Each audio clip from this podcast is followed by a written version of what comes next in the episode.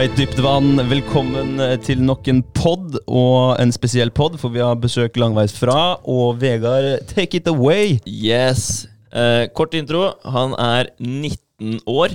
19. Yes. Og gjennom sosiale medier så har han tatt på seg rollen som guide. eh, for å informere ja, norske befolkninga om hvordan kryptomarkedet og forskjellige kryptovalutaer faktisk fungerer. Eh, det her gjør han på enklest mulig måte, så alle, alle skal forstå hvordan det fungerer, og hva man kan bruke det til. Han er å finne på både Facebook, Instagram, TikTok og på YouTube under navnet Krypto-Ole. Eh, ja, velkommen hit, eh, Krypto-Ole. Jo, takk. Velkommen, ja. Ja, Utrolig Kult kult at du tok turen. altså. Dere har et fett studio her, i hvert fall. Det er bra. Det er hyggelig å høre. Ja, takk for det. Takk for det. Eh, ja, du driver jo litt eh, YouTube-kanal og TikTok og Instagram. Du har jo en del på sosiale medier, men det er YouTube som på en måte, eh, på en måte er hovedplattformen. Altså Sånn det starta, var jo bare at jeg starta å investere i kryptovaluta. Jeg, føl- jeg har fulgt med i markedet siden 2016-2017. liksom. Alle hørte om det da. Dogecoin var jo en stor greie og sånn. Jeg var jo ganske liten da. Jeg var vel 15-16 år. Eller jeg, jeg var noe sånt, tror jeg. Ja. Eh, Og alle hørte om Dogecoin da, og Doge-memen og sånn. Den var overalt. Eh, Men jeg var litt sånn Jeg turte på en måte ikke starte å investere. Jeg var kanskje litt lat og venta litt for lenge. For jeg trodde liksom man måtte være 18 og sånn. Og ja, man burde jo det. De fleste investeringer og sånn skjer jo når man er 18 år, da. Ja, ja. det går an, og jeg kunne lett kjøpt krypto da, uten å være 18 år. Jeg kan godt forklare hvorfor litt senere òg, men eh, først skal jeg bare fortelle det her. da. Eh, så starta jeg i 2020, da, eh, etter at jeg ble 18 år. Eh, og investerte da det jeg hadde, og det jeg tjente av sommerjobben den sommeren. Oi. Så satte jeg meg inn i uh, trading. Og det var egentlig sånn det starta. da Jeg klarte på en måte å leve av trading. uh, og så starta jeg den YouTube-kanalen. Uh, hvor jeg da delte hva jeg drev med, da. Hva jeg lærte. Eller hva jeg hadde lært, og hva jeg kunne og sånn. Og det likte folk. Jeg fikk litt følgere som syntes det var Ja, som syntes det var eh, kult, det jeg drev med. Uh, og ja, etter hvert så har jo da også YouTube blitt en egen inntekt, da. Så jeg trenger ikke bare leve av trading heller. Jeg kan også leve av å lære norske folk om kryptovaluta, da. Det er Ja, kult. det er dritfett. Og bare det å si at du begynte å bli obs på det her når du var 15 år, Ja. det syns jeg er stilig, da. For eh, jeg tenkte helt klart ikke på krypto Altså, det var, var ikke krypto da jeg var 15, da, men hadde jeg vært 15 år, så tror jeg ikke jeg hadde tenkt på det engang. Å investere penger når du Ja, var 15 år, det tenkte du ikke på, fordi pengene skulle bli brukt på et eller annet drit eh, uansett, som ikke kom til å tjene deg i fremtiden. Nei. Det De skulle tjene deg der og da. Det er sånn der og da-penger er vi vant til å bruke. Og det var jo litt sånn, det var litt derfor jeg ikke investerte òg. Ja. Jeg tenkte jeg skulle liksom spare, for det var jo konfirmasjon og alt sånn. Og jeg har jo flinke foreldre innenfor finans og sånn. Og de, ja, de må spare, liksom. Men jeg sparte bare vanlig, da. Og de hadde jo noen fond de hadde spart opp til meg. litt sånn også. Mm. Eh, men ikke noe krypto helt ennå. Eh, og så har jeg jo broren min. Han var jo den av oss i familien som begynte med det først. Som har fått egentlig alle med. Både meg og faren min investerer også nå, etter han. Han begynte jo da å investere i 2019. Han har også fulgt med siden 2017 og hørt av en, av en kompis masse greier. Så gikk han da for fullt inn i 2019. Eh, og det som er litt gøy, er jo at han har studert økonomi. Han har bachelor i økonomi. Eh, og i stedet for på en måte å eh, tenke at bitcoin er noe tull, fordi det her er hva jeg har lært på skolen, og sånn skal økonomi være, så tenkte han jo eh, først, når han var på skolen, så tenkte han ok, er det sånn her det skal være? Dette her med, Nå kan jo ikke jeg alt dette her, for det er ikke jeg som har studert økonomi. Det er han som har kan det. Ja. Ja, ja. Dette her med kvantitative rettelser, da, rentehevninger og inflasjon og alt dette her. Er det sånn økonomien skal funke, liksom? Så fant han bitcoin, var litt skeptisk i starten, men han på en måte skjønte greia. da. Så så han den flotte inngangen da, i 2019. Da lå bitcoin på 3000 dollar. Eh, og så ett år senere så investerte jeg. Da lå bitcoin på mellom 6000 og 9000. Jeg husker i hvert fall jeg kjøpte på mellom 6000 og 9000. Det er sykt. Har det steget så mye siden 2019? Det er jo helt vilt. Tre- Dobling. Ja. Tredobling, typ. Siden 2019. Det er tre år. De fleste fond også blir eh, regna i tre år. Hvor mye har det fondet her steget i tre år? Ja. Gjerne 10% 5 Mm. liksom, Det er det du ser når du researcher fond. Eh, Bitcoin siden 2019, altså tre år, er opp 200 årlig. Ja, det er helt vilt, Ja. du. Det er, seks, eh, det er 600% siden samme tid eh, i 2019, cirka. Eh, og det er da fem ganger så mye, da. Fem ganger økning. Ja, det er drøyt. Ja. Det er helt, rått. Og, og det er jo en eh, unik eh, mulighet eh, nå òg. Ja, det er ikke fem ganger økning. Jeg tror det er syv ganger økning. Altså 100% er dobling. 200% er tripling. Så da kommer vi vel fram til at 500 600% er syv ganger, da. Ja. Ja, det er fortsatt Det kan hende matta mi var litt treg akkurat der. Anyways, det er mye. 500 Det er, eh, det er ekstremt mye. Men før vi hopper inn i nøyaktig hva krypto er, hele den biten her, da, i forhold til litt eh, situasjonen din, da. Eh, 19 år gammel, du, du investerer da eh, i eh, aksjer, selvfølgelig, eller krypto, da. ja, det er egentlig bare krypto. Eh, Bare krypto? Det, er litt, det er jo det jeg har tro på. Ja, Eh, Jeg ser at krypto gjør det bedre enn aksjer, og på en måte sånn jeg tenker.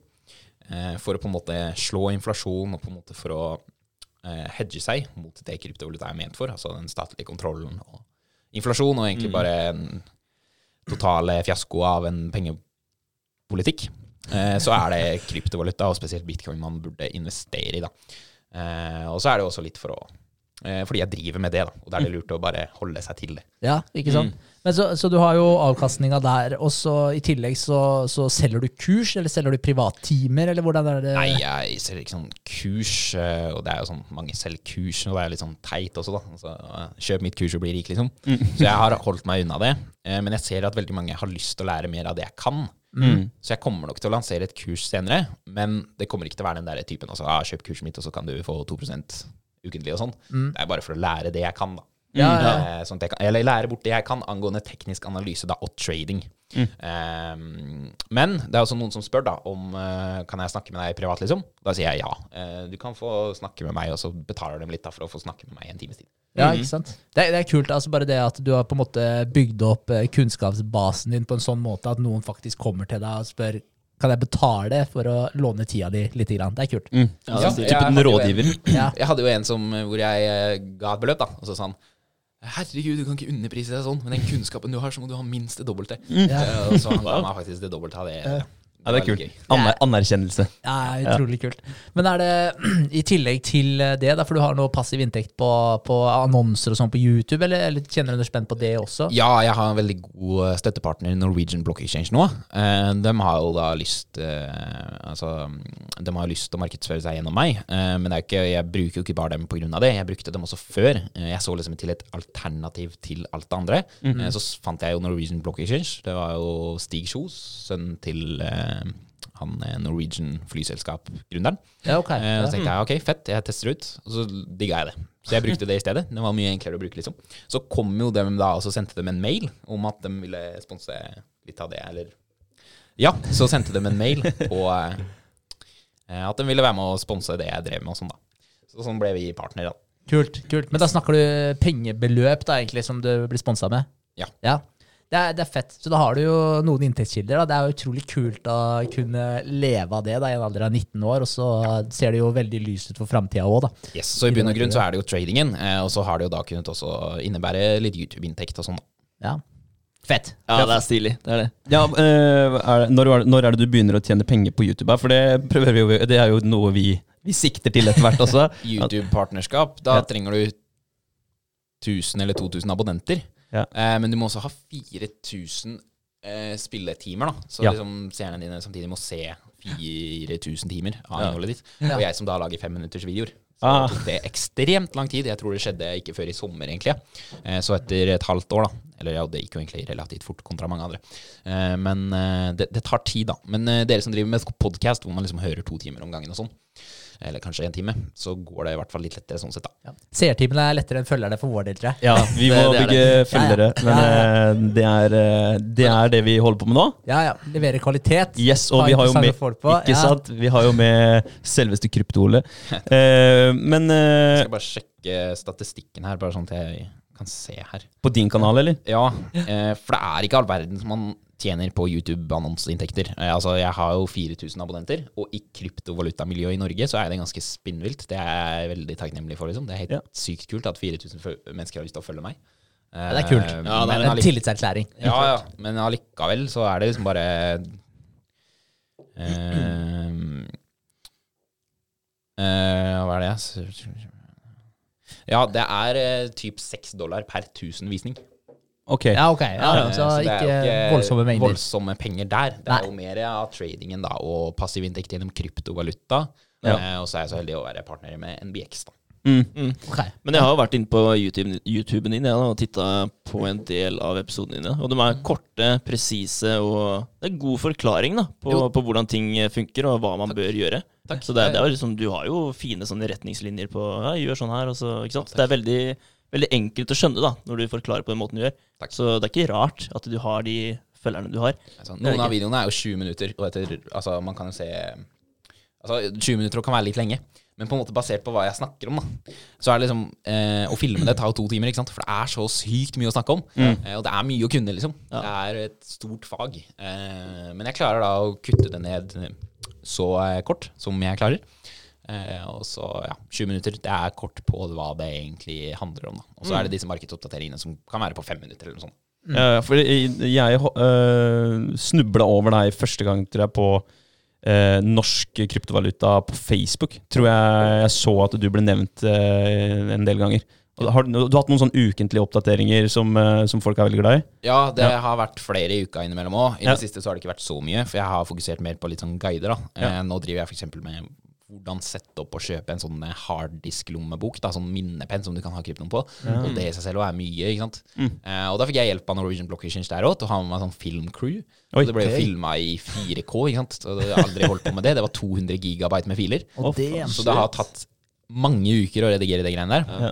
Jeg har jo en kompis som hjelper meg med redigering, så det har vært greit sånn sett. Eh, men eh, jeg fokuserer litt mer på å på en måte bygge sånne videoer, da. Eh, og så vil markedsoppdateringene komme tilbake når jeg på en måte får litt mer sånn fritid ellers. da. Fett. Men eh, når var det du la ut den første YouTube-videoen din? Det var eh, 14. januar i fjor. Eh, jeg glemte å på en måte feire bursdag, men ja. Ja. det var 14. januar i fjor, 2021. Ja, Så du, du, har, du, er, du er født 14. januar? Nei, eh, kanalen tenkte jeg på, da. Oh, ja, kanalen! Ja, ok. Du glemte din egen bursdag Ja, fordi det, du ja, det var det jeg trodde. Jeg så han eh, i Kryptovaluta Norge, Ken Erik. Han er også livestreamer da, for den Facebook-gruppa. Ja. Eh, han feira bursdag, da. Ok. Sånn eh, at han hadde holdt på med de livestreamene i et år. Ja, ok. Ah. Kult. Han er jo um, litt mer sånn teknisk på blokkjede. Liksom, hvordan bygger man en kryptovaluta? Koding. Han er sånn teknisk. Ja, ok. Mens jeg er Ja. mer sånn daytrading, da. Ja. Eh, Og tjene penger, da. Ikke sant? Hvordan fungerer det her for oss ikke-tekniske personer?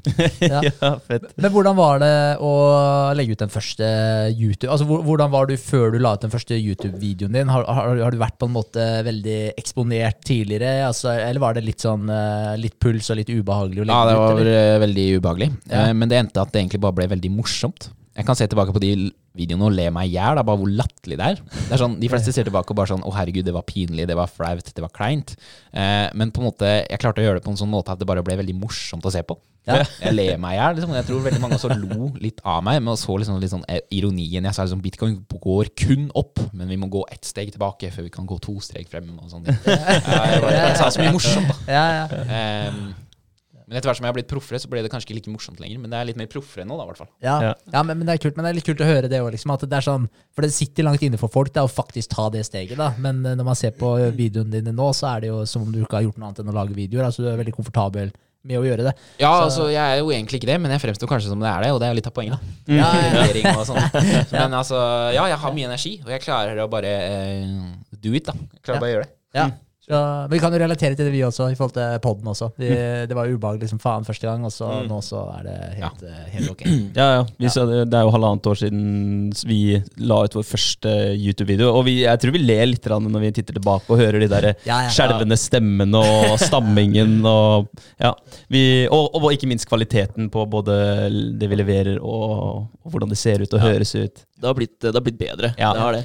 Ja. Så reps, det er det som gjelder. Det er to steg fram og to tilbake og tre tilbake innimellom og fire steg frem. Ikke sant? Man må, man må jobbe for det. Mm. Definitivt. Men det er ja, kult at du har fått eh, så mange brukere, eller følgere.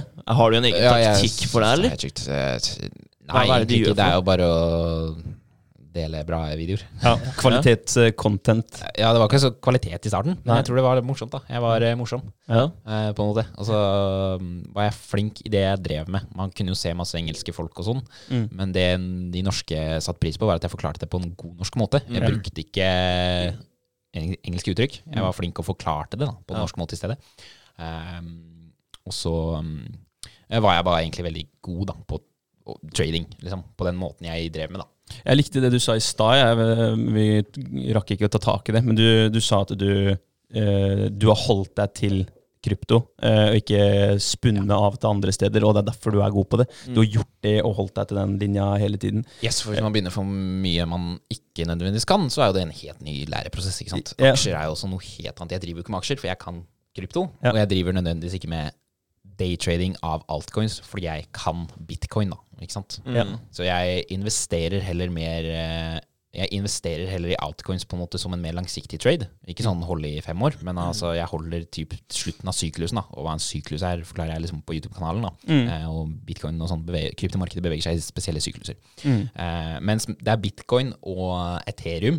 Jeg er da daytrader, og de to kan jeg. da. Man kjenner på en måte bevegelsene til de kryptoene. Hvor mye de går opp, hvor mye de går ned, risikomanagement og alt sånt. da. Ja, for, for uh, godt poeng det du sa med nordmenn og norske gloser, engelske gloser i forhold til uh, for, uh, krypto. Jeg har prøvd meg på sånne krypto for Dummies-guider og blockchain-guider på engelsk.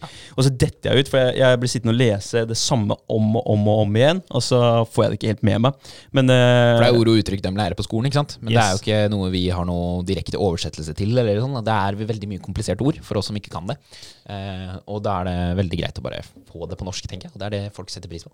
Kan du liksom ta the basics for oss, eller sånn bear market, uh, hodl, liksom de Ja, der okay. ja. Ta, ta, ta liksom krypto eh, veldig basic for eh, tre idioter. Ja, for La oss starte med hva en krypto er. da Ja, altså, ja, ja. Kryptovaluta, liksom. Hva, Start- For å skjønne hva start en krypto er, eh, også det tipset jeg har til dere som er nye, er jo egentlig bare å starte med bitcoin. Mm. En kryptovaluta kan sammenligne det bare med bitcoin. Hva er bitcoin? Eh, for det var den første. Den kom i 2009. Mm. Og jeg tror ikke det var før i 2013 eller 2015 at den neste kryptoen kom da, liksom, og ble lansert. Eh, Var det Ethereum eller noe, eller? ja, Ja. Ethereum og Dogecoin og Litecoin var de første som kom. Altså, De har vært så gamle, de òg. Ja, det visste jeg ikke. Ja, så altså, det er helt imponerende at Dogecoin er såpass høy fortsatt. Ja, for Er ikke kan- det egentlig en shitcoin, holdt jeg på å si? Eller? Jo, altså, og shitcoin òg, jeg kan si det. Det er jo bare at det er null verdi. Det er bare en fyr som har laget en kode. Ehm, og det kan man si, ja, hva er bitcoin da? Jo, det kan jeg komme til. Mm. Men Dogecoin er i hvert fall bare en kode. Jeg kan kopiere og lansere en ny Dogecoin eh, på typ to minutter, da, hvis jeg kunne koding. Eh, Ken Erik fra Kryptovaluta, Kryptovaluta Norge kan det. Han kan koding. Ja, Så kan lage en Dogecoin på to minutter, og så har Dogecoin egentlig ingen verdi. Men det er liksom den meme-effekten. da. Okay. Eh, Folk er glad i memes, og du investerer på en måte i en meme. Eh, og man kan ikke tenke logisk i et sånn type marked. Eh, det som skjer, det skjer. Ja. Egentlig. Er det litt sånn NFT-aktig, eller? Ja, NFT-er også. Det er mye hype eh, om Det puttes jo milliarder av penger inn i hype. Så det er sånn Ja, det er bare hype. Ja, men det puttes fortsatt milliarder av penger inn i det. Ja, og, det, og ser du på andre ting også, eh, mer, eh, merker, merkevarer, kle, Ja. klær, sko. Det er det. Blir det hypa opp, så får det en høy verdi, og så kjøper folk det. Ja, tilbake til Ja, bitcoin. Okay. Eh, bullish og bearish. Bull og bear, altså det er egentlig ikke kryptouttrykk, det er aksjeuttrykk. Eh, bullish marked er jo når prisene beveger seg oppover. De er en trend hvor egentlig alt går oppover, sånn som vi har sett i 2020 og 2021.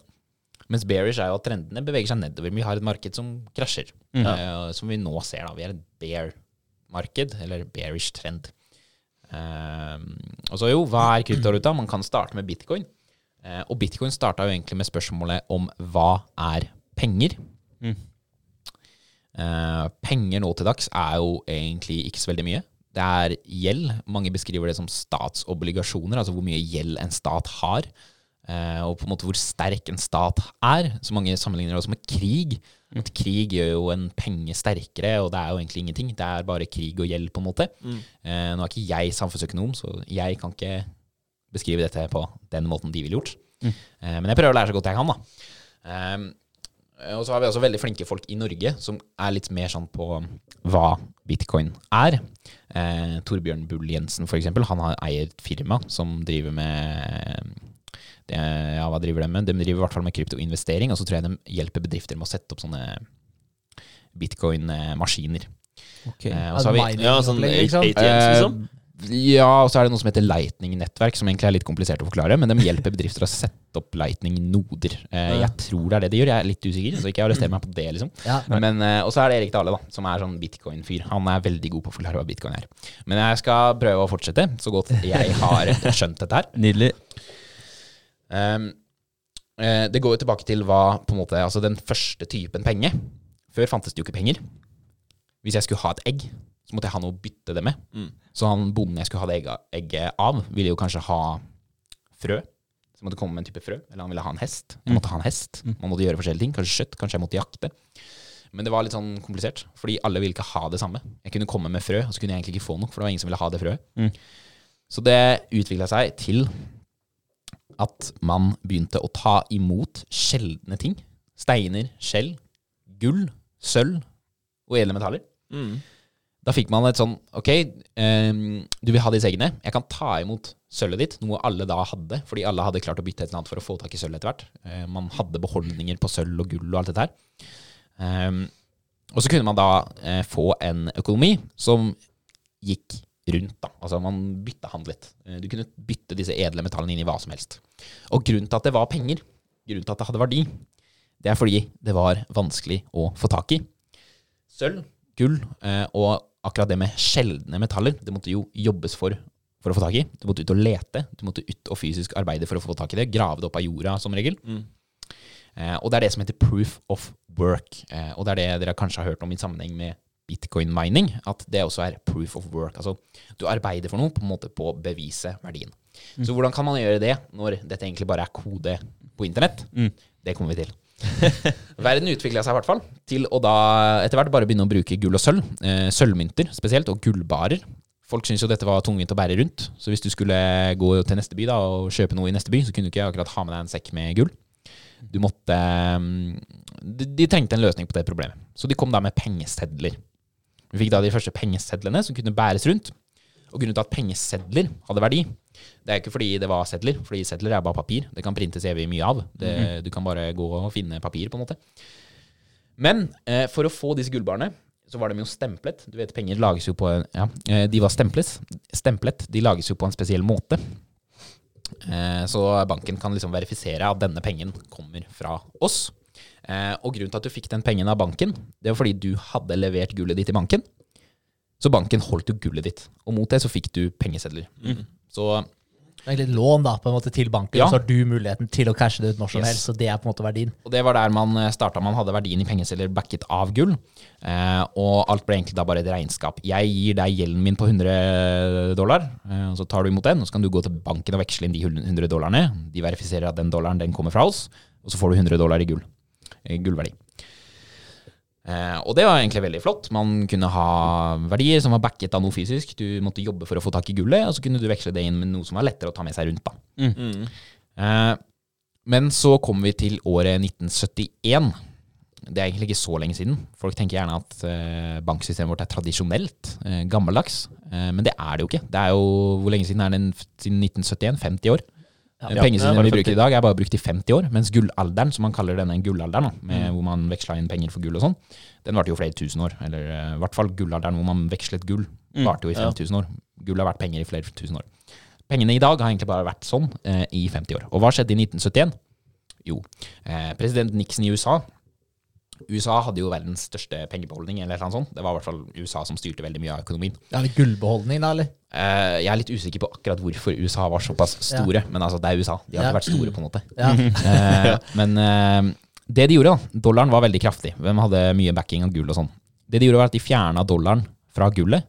Så en dollar, hadde ikke lenger, en dollar er ikke lenger backet av alt det gullet som ligger i, i hvelv. Nei, det var ikke noen tilknytninger i? Ehm, nei, uh, så det var jo den kalde krigen og et eller annet. Jeg, jeg, jeg kan ikke 100 den historien her.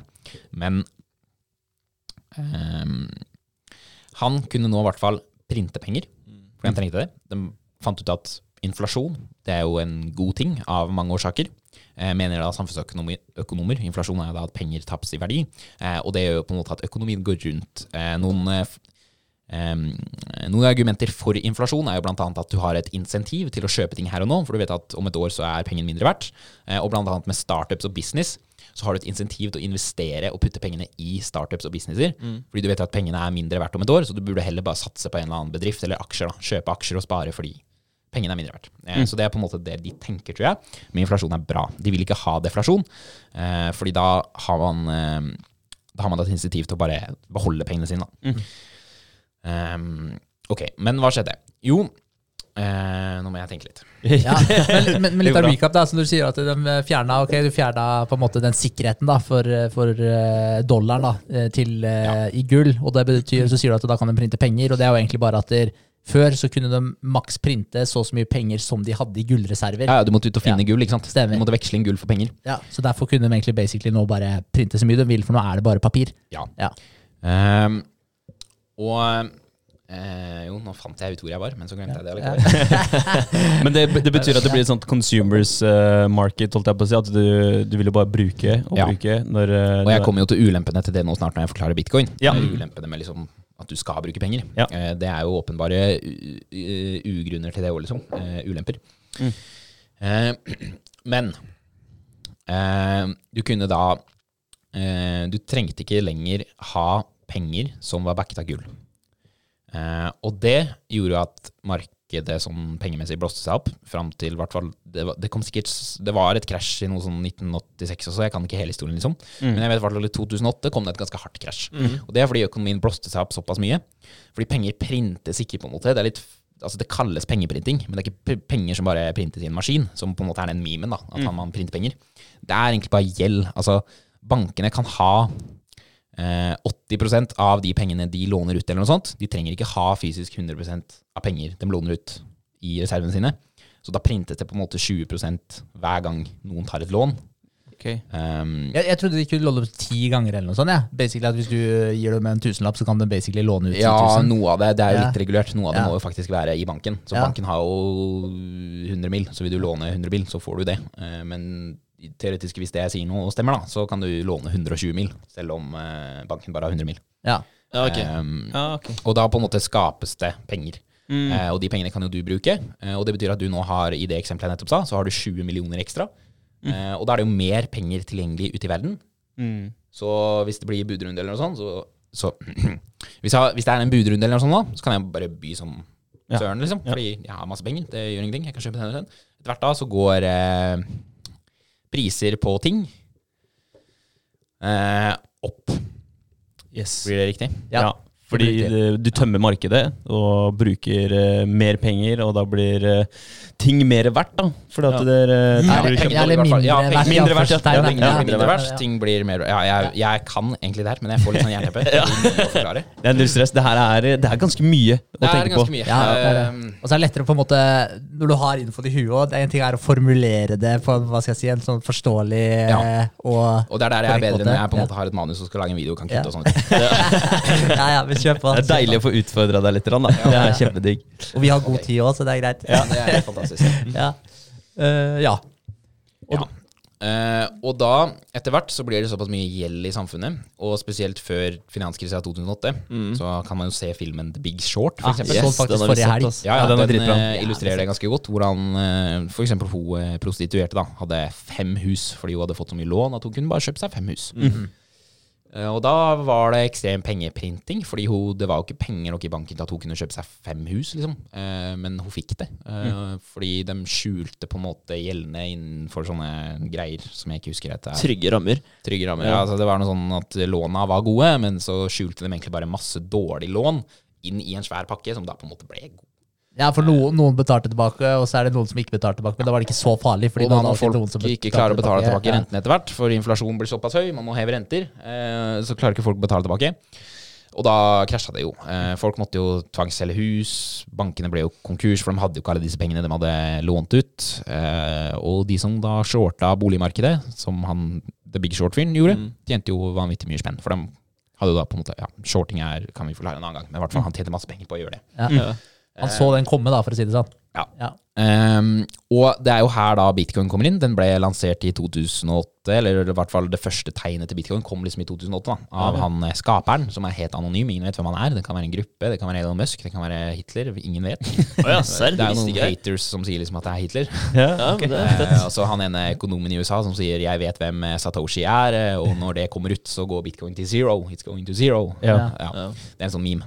Ehm, Bitcoin var jo da ehm, et elektronisk cash-system. Altså Pengene hadde jo også utviklet seg til å bli elektronisk. Vi har ikke sedler lenger i dag heller.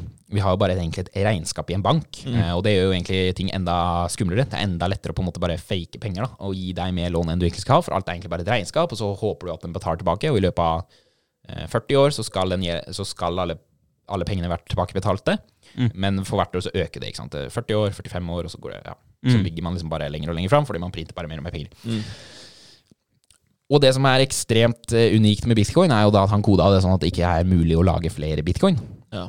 Så det går ikke an å printe flere bitcoin, på en måte. Det går ikke an å skape mer gjeld enn det som er. For det er heller ingen bank som styrer bitcoin og kan gi ut mer bitcoin enn det, enn det fins. Eh, du har det, det som heter desentralisering, som skapes av bitcoin mining. Du har flere millioner datamaskiner. Altså hvem som helst som vil, kan velge å mine bitcoin. Og det er da flere millioner som gjør det her.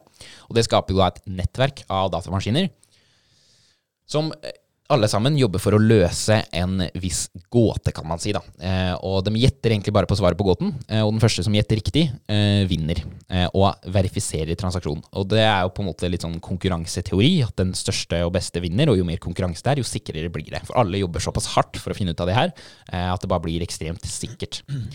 Det bruker også mye datakraft, og det er jo her mange miljøfolk kommer inn og sier at det er skadelig for miljøet og sånn.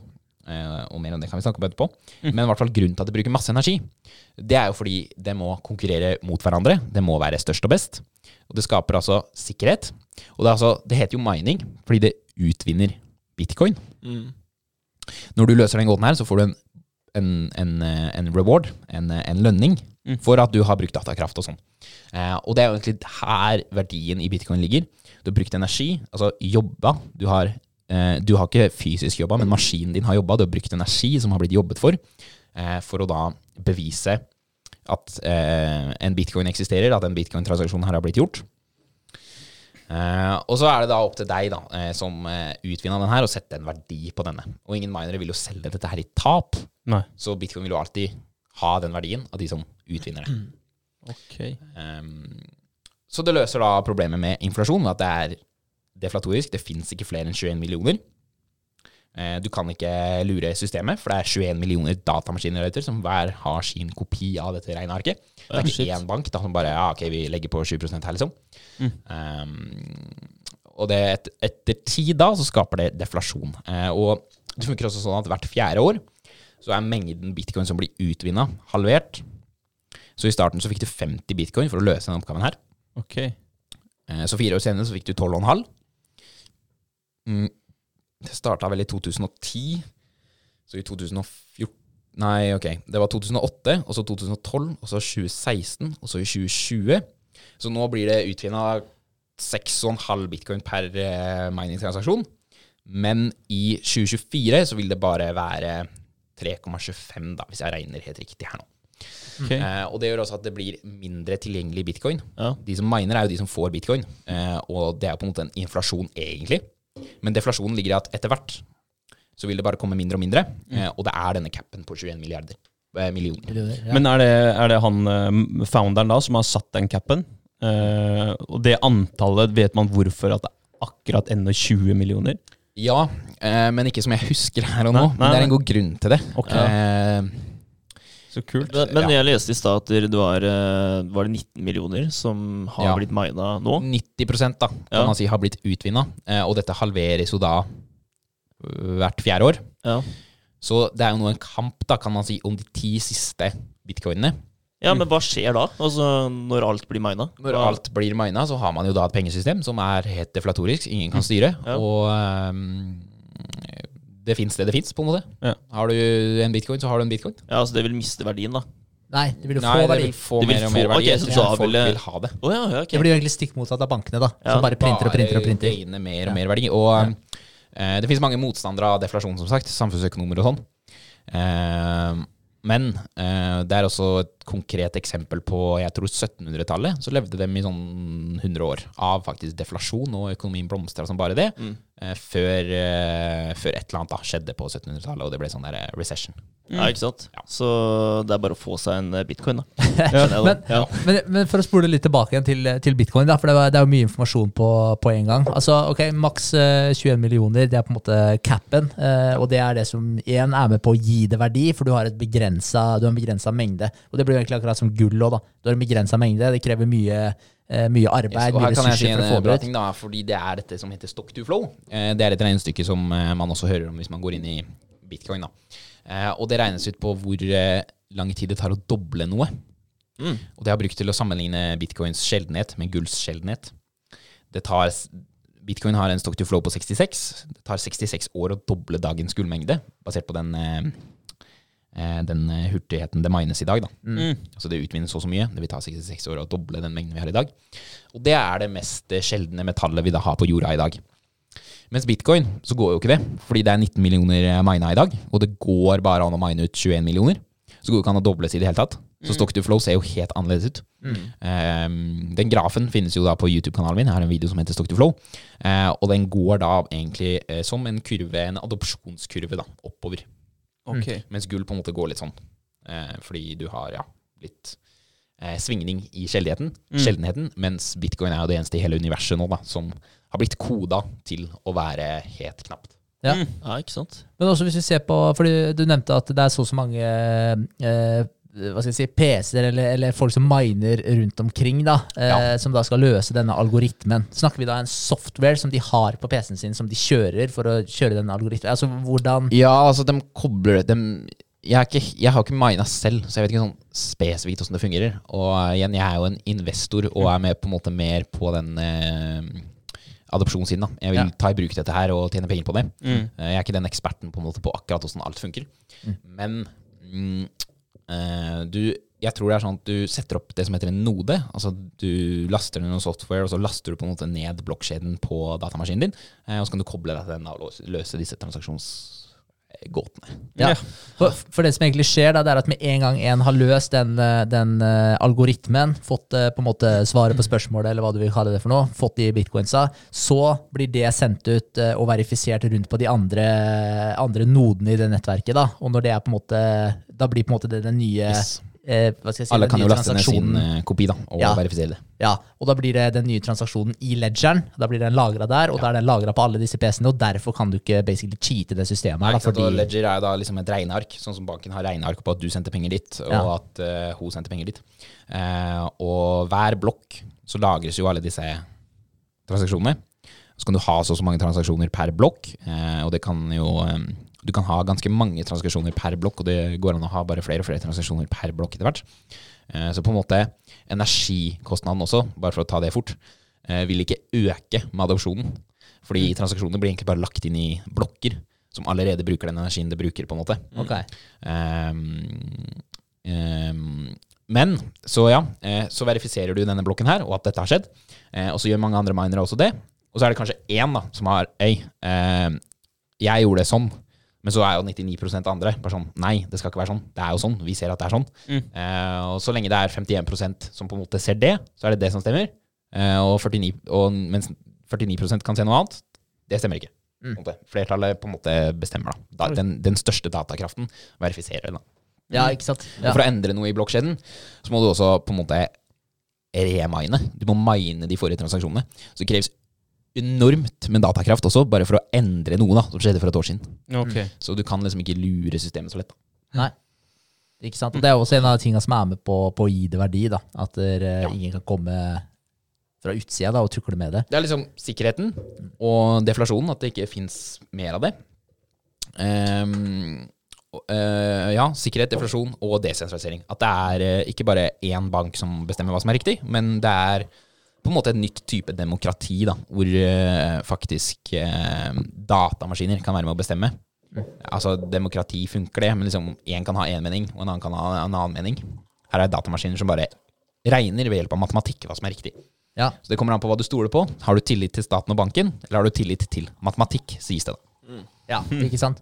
Men eh, det, det, er jo, altså, det er jo et veldig, det er veldig sentral greie, det òg, for å bruke det ordet. da, Det med at det er desentralisert. Uh, og, det, og det er jo Ja, det er en appellerende for det eh, ja, Og det er jo en, en veldig appellerende greie for mange. Og så er det noen som syns det ikke er innafor. Noe som uh, ofte type ja, statlige organer sier. Er, altså, de, de knytter det veldig fort opp mot kriminalitet, da, for du har ikke kontroll på det Ja, osv. Men som Erik Dahl også sier, da, han bitcoin-eksperten, så sier han liksom det er som å si at kriminelle bruker veier. Ja. Altså Kriminelle bruker eh, visakort, kriminelle bruker eh, cash, kriminelle bruker alt. Mm. Og typ 1% av kryptovalutatransaksjoner innebærer noe form for kriminalitet. Det, Ja. Men det, det har kanskje fått et lite stempel ut fra starten av bit bitcoin også? Fordi da var det jo Ja, mange var det som liksom geeker og liksom Ja. dark web og sånn. Ja, de kjørte jo, ja. holdt jo datamaskiner gisler og, og litt sånt. Så måtte du kjøpe deg fri med, med bitcoin. Og en gammel dame som aldri hadde hørt om bitcoin, ble tvunget til å gjøre det. Eller så mista hun alt av bilder og dokumenter fra familien eh, sin, da, stakkar. Igjen da, så er det egentlig bare hva man selv tror, da. Ja. Hva man selv vil. Det er ikke alle som vil at alt skal være desentralisert heller. Mange liker å bare Ok, jeg går til banken for å få det her fiksa. Jeg tror på dem, jeg. Mm. Uh, uh, også dette her med at uh, ingenting kan endres og sånn. Ok, hvis, eh, hvis jeg blir Hvis jeg blir rana, da. Et, altså, det fins for og imot. da Hvis du f.eks. blir rana, da, og ehm, du må overføre 10 000 til en annen fyr, Mm. så kan banken i ettertid gå tilbake og endre det. da Så sendte du ikke 10 000 til han allikevel. Men han stakk jo av og trodde han fikk 10 000. Ja. Mens med bitcoin, hvis du sender 10 000 til han, så er det gjort. Ja, Det, er det går ikke an å endre. Mm. Uh, altså, det er mye for og imot, eh, men uh, ja, hvis man hører på Erik Dahl og Torbjørn Bue Jensen og sånn, så får man i hvert fall mye for. Mm. Mens hvis man hører på de fleste samfunnsøkonomer og, og sånn, så får man mye imot. imot. Ja. Det er bare å la være å bli rana, da. Ja. Det er, eh, Ja, det er noe Da der. er det å bli- Ja. Men, men jeg syns jo Jeg at du trenge å dykke altfor mye inn på det, da, men jeg, jeg liker jo den der desentraliserings... eh, Eller det desentraliseringsaspektet ved krypto. Uh, rett og slett fordi jeg leste uh, The Gulag Archipelago. Mm. Uh, de bøkene som Aleksandr Solzjenitsyn har skrevet, da, om uh, det, ja, egentlig når kommunismen uh, oppsto i Sovjet. Og, og det er sånn Når du leser de greiene der, da, og du ser hvor fort ting kan flippe på huet, og det samme gjelder jo egentlig Nazi-Tyskland også, hvor kjapt da et, et Hva skal jeg si et, ja, så å si da, fredfullt eh, sted. Da, bare, altså, alt bare flipper på huet, det blir kaos, og så er det noen på toppen som begynner å styre alt. da. Ja, for Gir du noen mennesker for mye makt, så er det veldig vanskelig for dem å la seg ja, altså, Temme. temme da. Ja, eller regulere. fort- Ja, regulere. Så altså, Men, å overlate det her til matematikk og datamaskiner, da, det er kanskje ikke så dumt. Nei, og, og poenget mitt med, med det da, er at hvis, uh, hvis, hvis det, hva skal jeg si, hvis eh, Sovjet, da, hvis de hadde hatt den teknologien som er i dag, da, når, når, eh, type, i hvert fall når Stalin kom til makta, så, så kunne han basically ha gått tilbake og bare sett på alt av transaksjoner.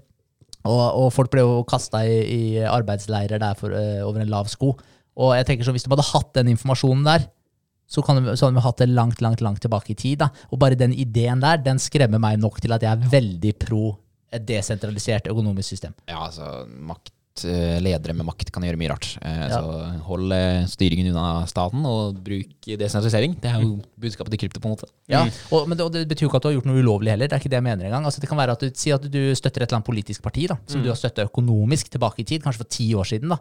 Kan du komme tilbake, kan du hente fra den infoen, sier hun du, du er imot staten, fuck you, du havner i arbeidsleir. Det er, det er så banalt. Ja, Altså. det er vilt, da. så, så det er en av grunnene til at jeg syns det i hvert fall er appellerende. da. mm. Absolutt. Men altså, ja, det var jo bitcoin. Eller jeg kan fullføre litt med å si også hvorfor deflasjon kanskje er en god ting. Jeg har sagt hvorfor, hvorfor inflasjon kan være en god ting. Men deflasjon kan jo også være en god ting. Fordi blant annet det eh, Det er også et argument for at bitcoin bidrar til en grønnere verden. At eh, forbruk er jo noe som skal ned. Og med inflasjon så har du et forbruk som skal fortsette. Pengene er mindre verdt i morgen, så jeg må jo kjøpe dette her i dag. liksom. Herregud, det er, det er salg. Jeg må kjøpe. ja. Med bitcoin så blir pengene mer verdt over tid. Du verdsetter denne bitcoinen du har. Eh, så du vil ikke dermed bruke litt ekstra bare fordi du får tre for to. Du kommer til å verdsette det at du bare vil kjøpe én, for det er billigere å kjøpe én. Eh, og ok, jeg har kanskje ikke råd til det her nå, pengene mine er mer verdt neste år, så jeg kan vente. Jeg kan spare. Ikke sant? Da slipper du å kjøpe noe nytt nå, og du slipper å kjøpe noe nytt neste år. Du kjøper bare neste år i stedet. For eksempel. Ja. ja, så du har, eh, Det er noen pros and cons da på begge. Ja, det er pros and cons på begge sider. Eh, og så er det jo kryptovaluta, det er jo ikke bare bitcoin. Veldig mange av de som er veldig fan av bitcoin, liker å si at bitcoin er kryptovaluta. Andre er bare scams og piss. Eh, og til en grad så er jeg jo enig. Mm. jeg er veldig glad i bitcoin, og jeg har liksom skjønt hvorfor bitcoin er grei. da. Og Det er derfor du også burde starte med bitcoin, selv om du kan være uenig. Du kan være enig. Start hvert med å skjønne hva bitcoin er, for da skjønner du liksom hva konseptet med kryptovaluta er. Og da forstår du deg bedre på markedet generelt. Eh, hvorfor er Ethereum sånn som det er, og hvorfor vil jeg investere i en Ethereum, Luna, Polkadot kontra bitcoin. Start hvert med bitcoin, men jeg kan bevege meg over på f.eks. Ethereum, da, som var den andre som kom. Bitcoin er jo egentlig bare en penge. Den kan sendes veldig raskt rundt i verden. Eh, har du en bitcoin-wallet, så kan du sende bitcoin på ti minutter hvor som helst i verden. Mens dette gullsystemet, eller pengeseddelsystemet, det må fraktes, da. Det tar flere dager å sende penger over landegrenser.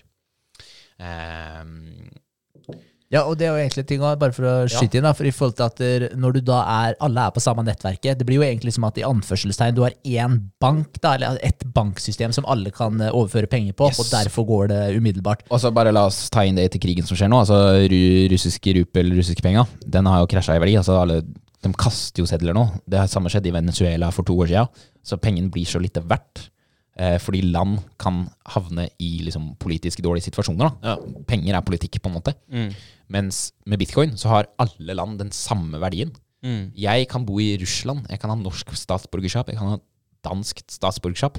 Men pengene mine, uansett hva som skjer i verden, vil fortsatt ha den samme verdien. Da. Mm. Ja, så russere også kan jo risikere å bare miste sine verdier, fordi bankene kan gå konkurs, Ja, altså, og de, pengene blir de har jo gjort det nå. Den har Ja. tapt 90 og selv om altså, Putin er en idiot, liksom. Men det er ikke sikkert alle russere er det. Så Nei. hvorfor fortjener de det? Nå har jo ikke de penger, liksom. De Mm.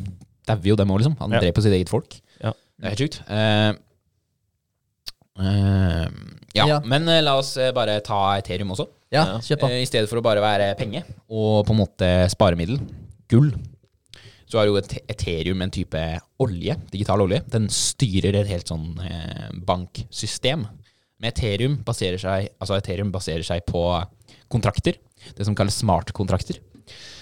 Det er digitale kontrakter, eh, som da med Ethereum-blokkjeden Ethereum kjører også på proof of work. Det er masse minere som sikrer kontraktene, på en måte. Så i stedet for at du har én part som har en versjon av kontrakten, og så bare sånn ja, jeg tar og gjør, gjør litt sånn, ja. Mm. Så har den andre en annen kontrakt, så vet man ikke hva som er riktig. Så har du en blokkjede som eh, hvor den desentraliserte sikkerheten bistår at kontrakten er sånn den er, da. Ja, du må verifisere det. Og så bruker du da et ethercoin, et eh, Ethereum-valutaen, liksom, eh, som transaksjonsmiddel. da. Du betaler med den eh, hvis du skal eh, koble deg opp mot en smartkontrakt, da, som f.eks. kan i fremtiden for være et boliglån. da. Altså Du må betale 2 rente inn til denne kontoen her hver måned. Hvis ikke du gjør det, så kommer det og det som står i den kontrakten. Ja, ikke sant? Eh, og med det så får man det som heter desentralisert finans, eller DeFi. Ja. Um, Men har, har Ethereum og bitcoin eh, Er det noe eh, Jobber de sammen på en eller annen måte, eller er det to helt forskjellige eh, kryptovalutaer? Er man noe- kan si de er konkurrenter. Eh, Bitcoin trenger ikke Ethereum, og Ethereum trenger ikke Bitcoin. på en måte. Okay. Nå er det sånn at det utvikles eh, DeFi også for bitcoin. Det tar bare litt lengre tid, for bitcoin er mer omfattende, mer sikkert. Eh, men alt som er mulig på Ethereum, skal være mulig på bitcoin. Så jeg er veldig spent på åssen det er. Om det potensielt blir en sånn altcoin-killer. At man egentlig ikke trenger altcoins. Eh, og veldig mange bitcoin-fans er jo veldig fan av det. Altså De ser jo på det altcoin som scam og sånn. Altså Bitcoin gjør alt mye, bare mye bedre. Men vi får se. Jeg har jo ikke sett bitcoin DeFi, så jeg vet ikke. Nei. Uh, altså DeFi, desentralisert finans, det som Ethereum da skapte. Mm. Uh, og med det, da, altså coins, det er f.eks. bitcoin og Ethereum-coinen. Uh, det er egne blokkjeder, egne nettverk. Men så har du det som en token. Du kan se for deg at Ethereum er olje, men du kan også se for deg at det er Apple-operativsystemet, det du har på telefonen din. På en måte AppStore, og, og åssen du bruker telefonen. da. Eh, mens du da har tokens, som er individuelle coins, som bruker de forskjellige apper. da. Så du kan gå på Ethereum, som da er AppStore, så kan du laste ned en app. La oss ta Chainlink.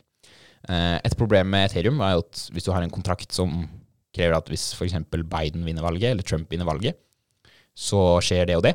Men hvilken datamaskin Datamaskinen klarer ikke på en måte Eller datamaskiner må jo få inputs av mennesker.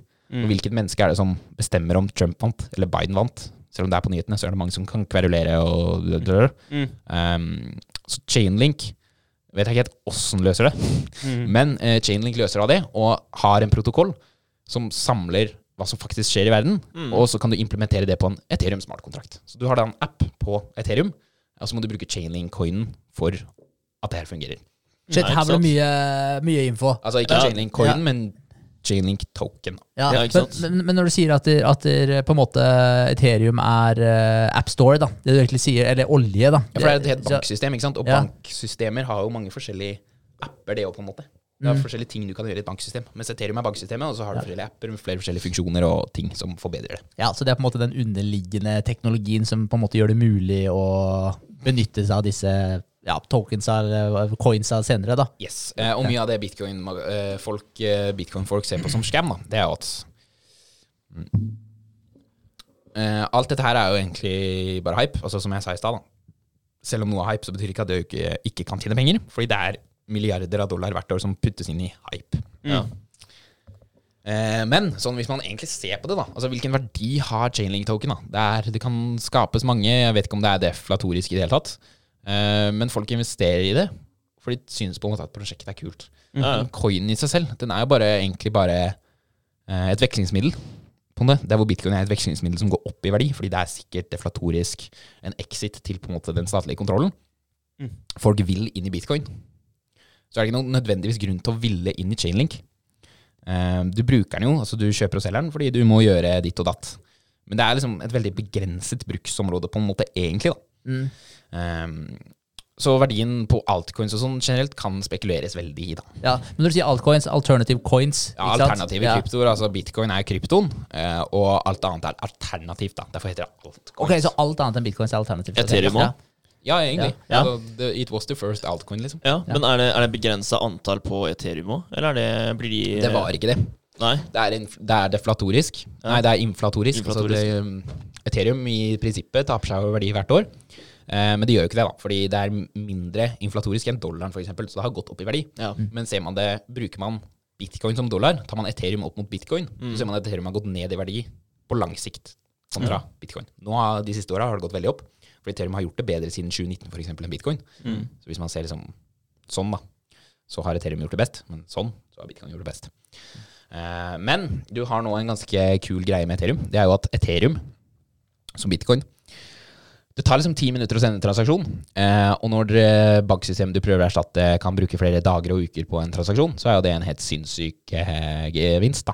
Men folk er jo ikke fornøyd. De skal ha transaksjonen sin sånn. Det skal være, det skal være VIPS. Det skal skje instantly. Ja. Bare for å ta det, VIPS skjer ikke instantly. Det er jo egentlig bare et regneark banken får, og så må de gjøre opp det senere. Du ser jo det står sånn reservert på mobilappen din, gjerne. Det tar jo kanskje en dag eller to. Mm. Det er egentlig transaksjonen, da. Så det, ja. inn, det er ikke en instant payment med VIPS heller, det er på en måte gjeld. Igjen da, du går tilbake til gjeld. Hele samfunnet er bygget på gjeld. Stats statsobligasjoner også, som jeg nevnte i stad, det er gjeld. Eh, statlig gjeld, da. Mm. Um, uh, hvor var jeg? Jo, um, dette med ti minutter å sende en transaksjon. Ja. De vil ha kjappere transaksjoner, og for å gjøre det, så må du gjøre blokkene større. Flere transaksjoner inn per blokk. Er det, bidrar det til, eller er det, betyr det at du må ha flere datamaskiner eller flere noder i nettverket som må, Nei, ikke må jobbe? Nei. Det betyr bare at um, du lager større blokker, uh, og det blir da Det koster da mindre energi Mm. å utvinne, som gjør at det blir mindre sikkert. Da.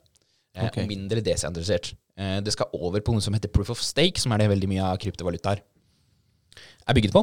Eh, proof of stake er da mindre eh, Bruker mye mindre energi, men er også veldig mye mindre sikkert, og funker ikke i det hele tatt som proof of work. da. Det er en grunn til at bitcoin er king, og det er av proof of work. da. Eh, og folk på, folk kan hate på klimautslipp og bla, bla, bla, men proof of work er der fordi det må. da. Det er det man trenger for å sikre og det, gjøre noe desentralisert. I hvert fall proof of stake. Eh, stake det betyr å ha eh, a stake in something. ikke sant? Du har en del av noe. En innsats. Ja, en innsats er kanskje det det betyr. Eh, så jo flere coins du har, jo mer makt har du også. da. Det er der på en måte desentraliseringen eh, glipper opp. Jo mer Ethereum tokens du har i proof of stake, jo mer på en måte eh, kraft har du. Ja. Men du har jo det uttrykket at man staker, ikke sant? Er det at du da låner ut dine egne coins til andre? Ja, nå vet jeg ikke akkurat hvordan det funker. Eh, sånn helt her og nå. Jeg vet egentlig hvordan det funker, men ikke sånn her og nå. Jeg Nei. klarer ikke å komme på akkurat hvordan jeg skal si det. på en måte. Mm. Men eh, du setter av pengene dine, kobler det på en måte sånn som du gjør med en datamaskin som miner, Ja. eh, kobler det til blokkjeden, og så får du denne mining rewarden. Du miner ikke, men du på en måte låner ut pengene dine til blokkjeden for å lage likviditet og sånn. Eh, og så får du da en belønning for det. Så du kan tjene 6% rente for eksempel, på Ethereum. da. Ja, ikke sant? Eh, Du får tilbake det. Men, eh, og jo flere coins du har, jo mer på en måte makt har du da i proof of stake. Men proof of stake går fortere, så transaksjonene gjø- gjøres lettere. Eh, Og så blir det også billigere. Du, det er noe som heter gas fee, altså gassavgift. eh, Avgift på nettverket. Så hvis du skal for eksempel et, eh, NFTs skjer jo på Ethereum, eksempel. Veldig populært på Ethereum. Mm. Men det kan koste flere hundre til tusen kroner å lage en NFT. da, Putte den på Ja. blokkjeden. Og det er det de prøver å løse, da, å bytte over til en type proof of stake. Men da vil også Ethereum miste mye av desentraliseringen og sikkerheten. Det er også derfor det tar mye tid, eh, fordi de prøver å gjøre det på en best mulig måte. De prøver på en måte å finne en hybrid med proof of work og proof of stake. Da.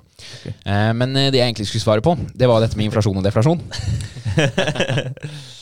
De brenner da også Ethereum tokens for å få til det her, for å gjøre det på en god måte, som skaper deflasjon. Altså de putter coins i et hvelv, så selv om disse coinsene fortsatt eksisterer, så er det på en måte i en sånn lommebok som det ikke går an å få tak i lenger. Så coinsene blir egentlig bare De blir ikke borte, men de ligger et sted det aldri kommer til å kunne tas ut av. Men du sier de. Ja, Hvem er de? det spørre. Hvem er ja? det er vel de som styrer Ethereum-nettet, og det er jo minerne, da. De styrer liksom hva som kan skje. Um, proof of work, altså 40, 41 ikke sant, kan jo da styre hva som skal skje, programmere oppgraderinger, og så kan minerne stemme over en Ja, du har developers, da, på okay. både bitcoin og Ethereum, som utvikler nye ting. Du utvikler bitcoin DFI og sånn. Det Mm. er developers, og så kan de legge fram dette forslaget på en måte for datamaskinene, og så kan de stemme over de vil ha det eller ikke. Demokrati. Ja. Um, og da legger du inn i kildekoden at så og så mye skal bli brent per transaksjon. Eh, og det gjør da Ethereum nå. Uh, og hvis man regner på det, så blir Ethereum etter hvert deflatorisk også, fordi du legger vekk så og så mye. Ah, Ok. Ja. Men, du, okay, men du nevner eh, lommebok òg, bare for å gå back to the basics. Hva er lommebok? Det er for folk som uh, Hva er, hva er en eh, lommebok? En eh, lommebok er der du holder kryptovalutaen din. Altså Du kan jo si du går på Binance eller Coinbase og kjøper krypto. Men det er på en måte bare overflaten. Overflaten. Og Coinbase og Binance, altså det, er, det blir så mye uttrykk. Altså Ja, det, er, det er eh, exchanger, ikke banker, sant? kan man si, da, der Ja. du kjøper og selger kryptovaluta. Ja.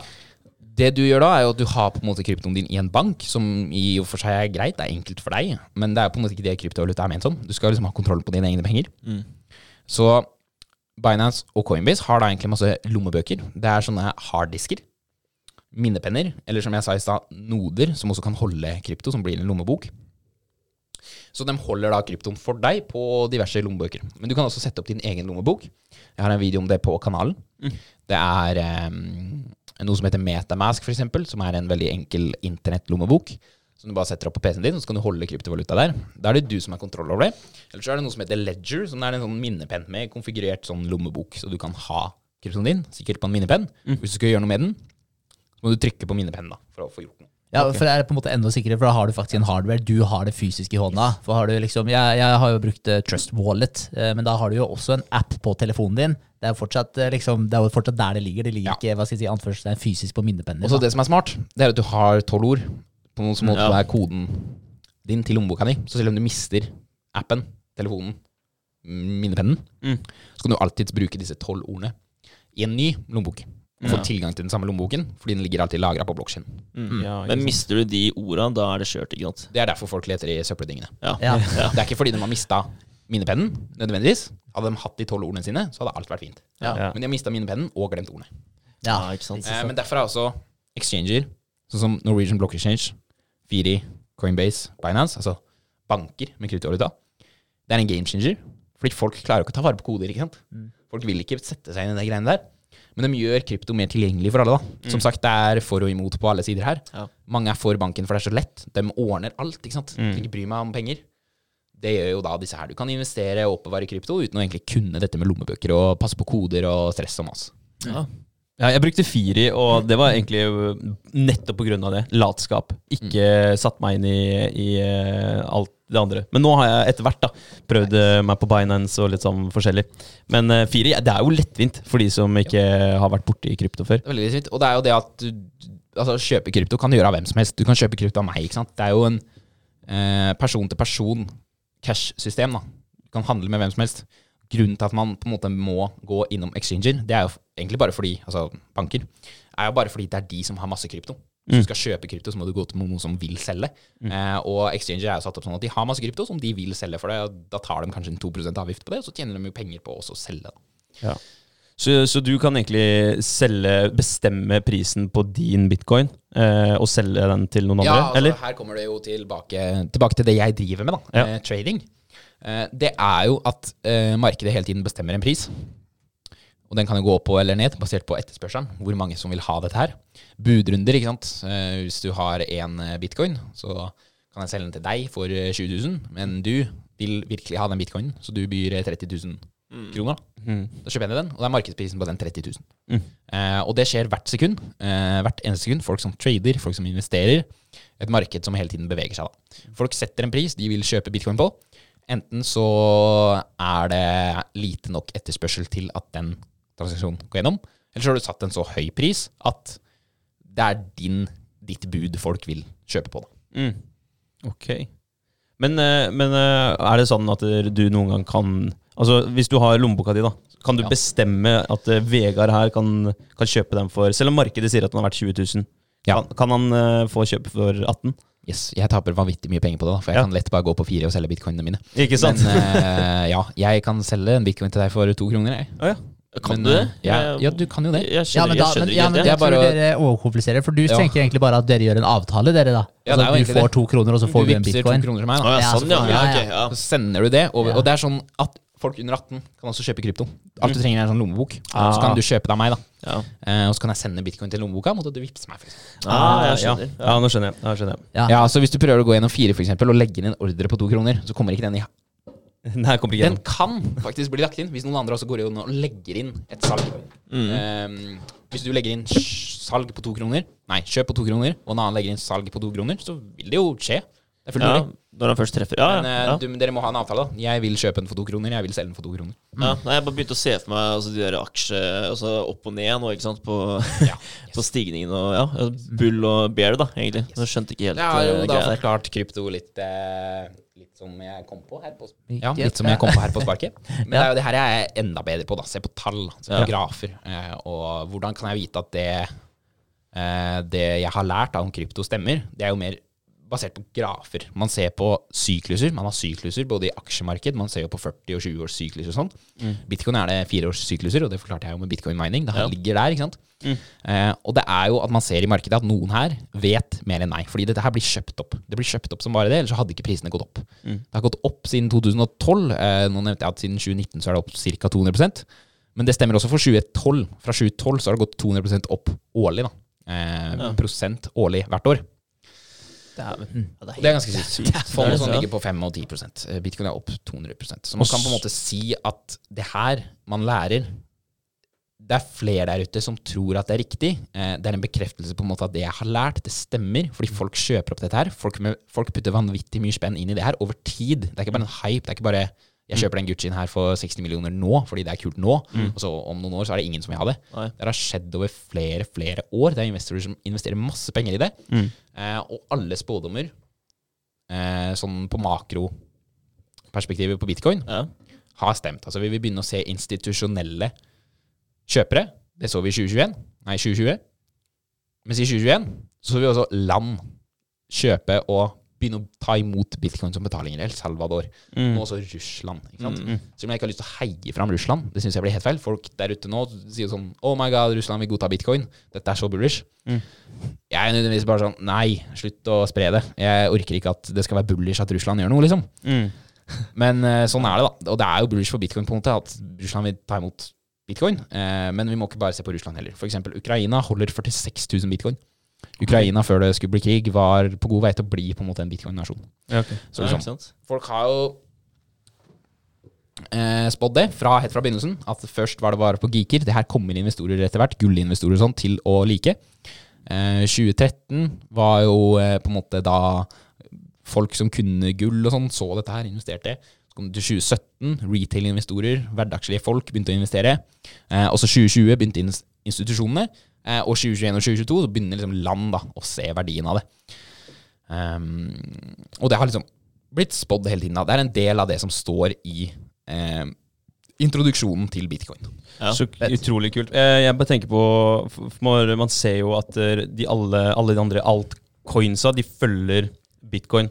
Har det med, med tro å gjøre? At nå begynner flere og flere å ha tro på bitcoin? Yes. Eh, og, og disse verdiene er basert på liksom, hvor mye du anser at noe er verdt. De fleste verdiene i altcoins er jo basert på at folk vil bli rike. Eh, og generelt sett så har man sett at altcoins også går opp når bitcoin går opp. Eh, og de er jo gjerne mindre, for de er helt nye og sånn, så det går jo mer opp. Eh, og helt fra starten av så har det ikke greit at altcoins går mer opp enn bitcoin. På lang sikt så gjør det ikke det, for de krasjer jo ned og kommer seg aldri opp igjen. Eh, I 2013 så var det barbecue coin.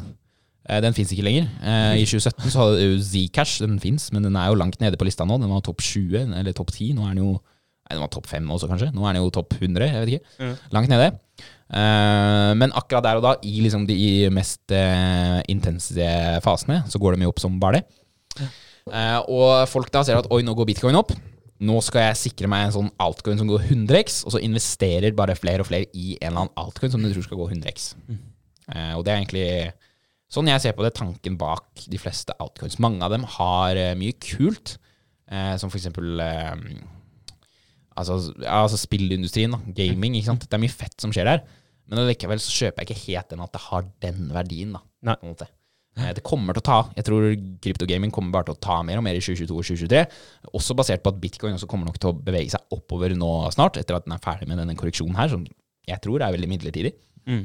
Um, Når du sier en korreksjon, kan du bare utdype? ja, aksjespråket igjen, da. Altså Ja. det er at noe krasjer, da. Går nedover. Eh, en liten ned før det går opp. Da. Men kan, Ja. du, kan du gi oss en liten spådom her nå, eller? For det er, eh, nå har det jo sunket veldig. Ja, det som er veldig bra nå, i snakken snakker en stund nå, er at vi kom oss over 46 000. Ikke bare kommer vi oss over 46 000, men på en måte i teknisk analysespråket så har vi avsluttet en uke over 46 000. Mm. Eh, 46 000 er et veldig viktig nivå. Det var der eh, året slutta. Eh, og gjerne på sånne slutter da, av året, måneden, uken. Det er gjerne her man ser hvilket nivå er det man prøver å holde nede så lenge som mulig. 46 000 er et sånn type nivå. Eh, denne uken her så har vi sett at vi har prøvd å holde oss under det så lenge som mulig. Det er på en måte at de som vil at markedet skal opp Folk driver jo markedet med masse penger. Spytter du masse penger inn i markedet, eh, så går jo eh, verdien opp. Ja. Fordi du må finne kjøpere til alle pengene. Alle pengene. Mens hvis du tar penger ut og selger, så går markedet ned. Ikke sant? Så hvis du har nok penger, så kan du styre markedet. Og veldig mange tradere og um, investorer gjør jo dette her. Mm. Eh, så på tradingperspektiv sånn kortsiktig nå, så har vi brutt opp her. Vi har sett at eh, de som på en måte styrer markedet, de har villet holde oss under 46 000 som lenge som mulig. Kanskje for å gjøre oss bearish, gjøre at vi mister håpet. Vi kommer til å falle nedover. Vi går jo ikke over dette nivået. Nå er vi over det. Eh, så mest sannsynlig nå så vil det fortsette oppover, fordi vi på en måte har snudd trenden. I hvert fall litt kortsiktig. Men ja, bekreftelsen på dette her, altså det her kan bli invalidert hele tiden. Man må, som trader så handler det ikke nødvendigvis om å spå markedet. Det handler mer om å bare Hvis det skjer, så gjør jeg sånn. Det handler om å jobbe i markedet. Ja, Egentlig. ikke sant? Hvis det skjer, så gjør jeg sånn. Ja. Eh, ikke at nå skal det 46 000, derfor trader jeg, på en måte. Mm. Min bekreftelse nå på at vi skal videre oppover, det vil være å holde 46 000-nivået. Eh, klatre videre oppover, i hvert fall en ukes tid. Ja. Men spesielt når vi krasjer nå, hvis vi går nedover nå, da, og holde 46 000, og gå opp igjen derfra, det vil være et godt tegn på at nå har vi faktisk brutt opp, da. I stedet for å bare krasje gjennom det nivået. For da har ikke på en måte de som vil at markedet skal opp, da har ikke de klart å holde det nivået. Mens de som vil at markedet skal ned, de har klart å bryte gjennom det nivået. Og da er vi tilbake i en bearish fase. Ja. Men er det, er, det, er, det, er, det liksom, er det skrevet i sten da at vi kommer til å stupe enda mer enn det vi har gjort allerede? Jeg tror jo også det, men på en måte, altså jeg tror jo på en måte litt på at vi skal bare opp mot 50 eller noe sånt nå, og så kommer det til å krasje videre. Men igjen, eh, man må se på bekreftelser på veien oppover. da. Hvis Ja. vi f.eks. blir avvist på 53 000 for en hardt krasj nedover, så skal vi nok mest sannsynlig enda lenger ned igjen, da, til Ja. 30 000. Så får vi se hva som skjer på 30 000. Hvis vi begynner å gå over 53 000 og sånn, da begynner vi å snakke nytt eh, bull market igjen, da. 2022-2023. Oi. Eh, men eh, ser man, eh, ser man eh, tydelige effekter av ja, type Ukraina, Russland og sånn i kryptomarkedet, eller? Ja, det er jo en stor diskusjon da i på en måte tradingmiljøet. Altså, Skal man basere spådommene sine på nyheter? Skal man basere det på teknisk analyse? Det er liksom to ting. Noen mener begge. Eh, Og ser du etter nyheter som påvirker markedet, så finner du det. Men ser du etter teknisk analyse som påvirker markedet, så finner du det. Begge funker. Eh, Og hvis du har en strategi som bruker enten-eller, og det funker for deg, så kjør på. Eh, Men basert på det jeg kan av teknisk analyse, så var markedet på vei ned lenge før Ukraina-krigen startet. ikke sant? Vi var i en bearish trend. Det var ikke noe som tilsa at vi skulle nødvendigvis lenger opp. Men man får jo sånne kortsiktige, da, i hvert fall da, eh, flash crusher. Det går veldig fort nedover, fordi akkurat det her skjedde. Så på en måte så får man en sånn eh, Ikke nødvendigvis effekt av nyheten, men folk utnytter nyheten. Fordi veldig mange stoler på at nå kommer det en nyhet, nå går det ned. Og da bruker veldig mange det eh, til å på en måte slå ut andre tradere. da. Ja. Eh, og derfor får man raske bevegelser rundt nyheter og veldig mye volatilitet. Men for all del, Ukraina kunne eh, Russland ja, Hadde vi vært i en mer bullish trend, så hadde markedet kun beholdt en bullish trend, selv om det nødvendigvis ble krig. For vi ser det at Den dagen det ble krig, så falt det. Mm. Men nå går det jo oppover igjen. da Så hadde vi vært i en bullish trend hele tiden, så hadde det bare på en måte vært en liten nedgang. før den bullishe trenden fortsatte. Vi hadde fortsatt vært i en makro-bullish trend, selv om markedet kunne falt akkurat den dagen. Det er veldig Men vi er i en bullish trend, og det er på vei nedover. da. ja, Det er så mange altså, ytre krefter da som er med på eh, Men basically, Ja, teknisk skjer, analyse handler jo da om prisanalyse. Ja. Altså prisaktivitet. Hvem er det som kjøper og selger? Eh, og det baserer seg ikke på nyheter. Men kjøperen og selgeren kan jo basere sine handlinger på nyheter. mm. Som er ekstra smarte da, og kan dette her. De bruker jo de da som baserer sine handlinger på nyheter, Mm. til å da gjøre ting. Markedet kan gå opp eller ned, men det vil nok gå eh, den veien som de som eh, er best i trading, vil at det skal gå. da. Mm. Jeg, jeg føler at det, eller jeg, jeg tenker automatisk at det er knytta til mye følelser. Og når det er snakk om trading, så er dette ja, veldig mye følelser. Altså Hvis jeg tror det skal ned og er redd, så selger jeg meg ut. Og det skjer jo gjerne idet det krasjer. Mm. Ikke sant? Eh, og det tar eh, gode tradere seg godt utnytta, og heller kjøper da det som blir solgt. Ja. For da får du veldig mye likviditet, og du kan kjøpe en hel haug med masse mens det krasjer. Og da når du kjøper opp igjen, så går det oppover rett etterpå. Ja. Um, eh, ja. Fett. Ja, men det, det bekrefter egentlig Og det, og det er det jo i, i, i investering eh, generelt, da. I businesser, i du, du får jo en følelse om at den businessen her, den skal gå bra. Den Ja, ja. kjøper jeg meg inn i. Og der er det å forstå forskjell på kort sikt og altså daytrading altså daytrading og trading. Det er litt mer sånn kortsiktig, da. Eh, vi får en ganske harde krasj av f.eks. noen nyheter, fordi noen tar utnytt av det. Men makrotrender det baserer seg jo egentlig bare på det fundamentale over lang tid. da. Man ser jo at bitcoin fundamentalt over lang tid, det har noe sterkt ved seg som gjør at folk vil kjøpe det over tid. Så uansett om vi er en bearish trend nå, eller om det hadde vært en bullish trend nå, så ser vi at over tolv år, ti år, så er det en bullish trend. Altså, det er en trend som bare fortsetter. da. Mm. Men eh, kan du forklare sånn kort hvordan en day daytrade funker for deg? Er det sånn at du, du kjøper eh, type 0,0001 bitcoin den ene dagen, og så selger du den samme for du ser den har gått opp neste dag? Det finnes flere forskjellige måter å gjøre dette på. Jeg gjør nok det de fleste vil kalle for swing trades, prøver å treffe svingningene. Mm. Mens det finnes også scalping, eller å trade forskjellige ranger. Du setter eh, dagens high og dagens low, og så har du en range, og så trader du innimellom den. Bruker masse forskjellige verktøy, Fibonacci, masse verktøy og sånn, som jeg lærer om, lærer om på kanalen. Mm. Eh, til, til å trade innenfor den rangen. Og så har du det som heter eh, eh, swing trades, hvor du ser litt mer på momentum og trender som blir brutt, for å finne neste, tre, neste, neste snupunktet. da. Nå tror jeg det skal gå opp, eller nå tror jeg det skal gå ned. Og så tar jeg utnytt av det. Eh, og shorter betyr at jeg better på at markedet går ned, altså jeg tjener penger hvis markedet går ned. Eller longer. Det betyr at jeg tjener mark penger hvis markedet går opp. Ja. Eh, og strategien min er å aldri bruke mer enn 10% per trade, sånn at jeg holder eh, risk management Det er jo noe av det viktigste du kan gjøre. Det handler ikke nødvendigvis om å ha rett eller galt. Nå tror jeg det skal opp, og så går det opp. Ok, flott. Eh, men hvis det skulle gått motsatt vei, det er nesten viktigere. Markedet kan alltid gå motsatt veier, for det handler ikke, som jeg sa i stad, om å spå markedet. Mm. Det handler bare om å være smart og ha god eh, risikoforståelse. Da. Du må ha et punkt hvor du tror at teorien din er feil, og prøve å ikke nødvendigvis tjene penger, men prøve å eh, miste minst mulig penger. Eh, jeg trader aldri mer enn 10% av tradingporteføljen. Og tradingporteføljen, tradingbagen, liksom, den består nå, eh, etter min strategi nå, av 10% av alt jeg eier. Mm. Så hvis jeg hadde hatt 100 000 i, i krypto, så hadde tradingporteføljen min bare vært på 10 000. Så hadde jeg bare brukt 1000 kroner per trade. Ah. Ja, Ikke sant? Men, men er det, investerer du også i bitcoin, eller liksom Ja, for sånn 90, haul? Ja. 90 av porteføljen min rører man ikke. Okay, det er, det er ja. altså, en daytrader kan være god og tjene penger og sånn, men ingenting vil på en måte slå tid i markedet. Altså det å være investert langsiktig i markedet. Jo mer tid du har i markedet, Ja. jo bedre. Mm. Så uansett hva som skjer med daytrading, da, så risikerer jeg, hvis alt skulle blitt borte, da, risikerer jeg bare 10% av det. Og når bitcoin går opp 200% årlig, så er det greit. Ja. Eh, men eh, eh, jo, og hvis du driver og eh, kjøper og selger, eh, er litt sånn redd, nå skal det ned, er litt sånn gira, nå skal det opp, jeg kjøper og selger, så vil du aldri oppnå nok tid i markedet til å kunne tjene såpass mye penger som du vil. Så det beste er å bare sitte langsiktig. Hvis du vil lære daytrading og risikohåndtering, så følg med på videoene mine. Prøv å lære litt av meg. Eh, og jeg lærer ikke nødvendigvis hvor markedet skal, jeg prøver heller å bare lære hva gjør vi, liksom. Mm. For det handler ikke om hvor markedet skal. Altså, det er alltid gøy å prøve å spå markedet, men jeg bare snakker om forskjellige eh, momentumbølger eller eh, indikasjoner da, på hva gjør vi hvis det her skjer. Så mange sier sånn Ja, du, du gir oss to retninger. Så ja, selvfølgelig gir jeg dere to retninger, for det kan gå to retninger.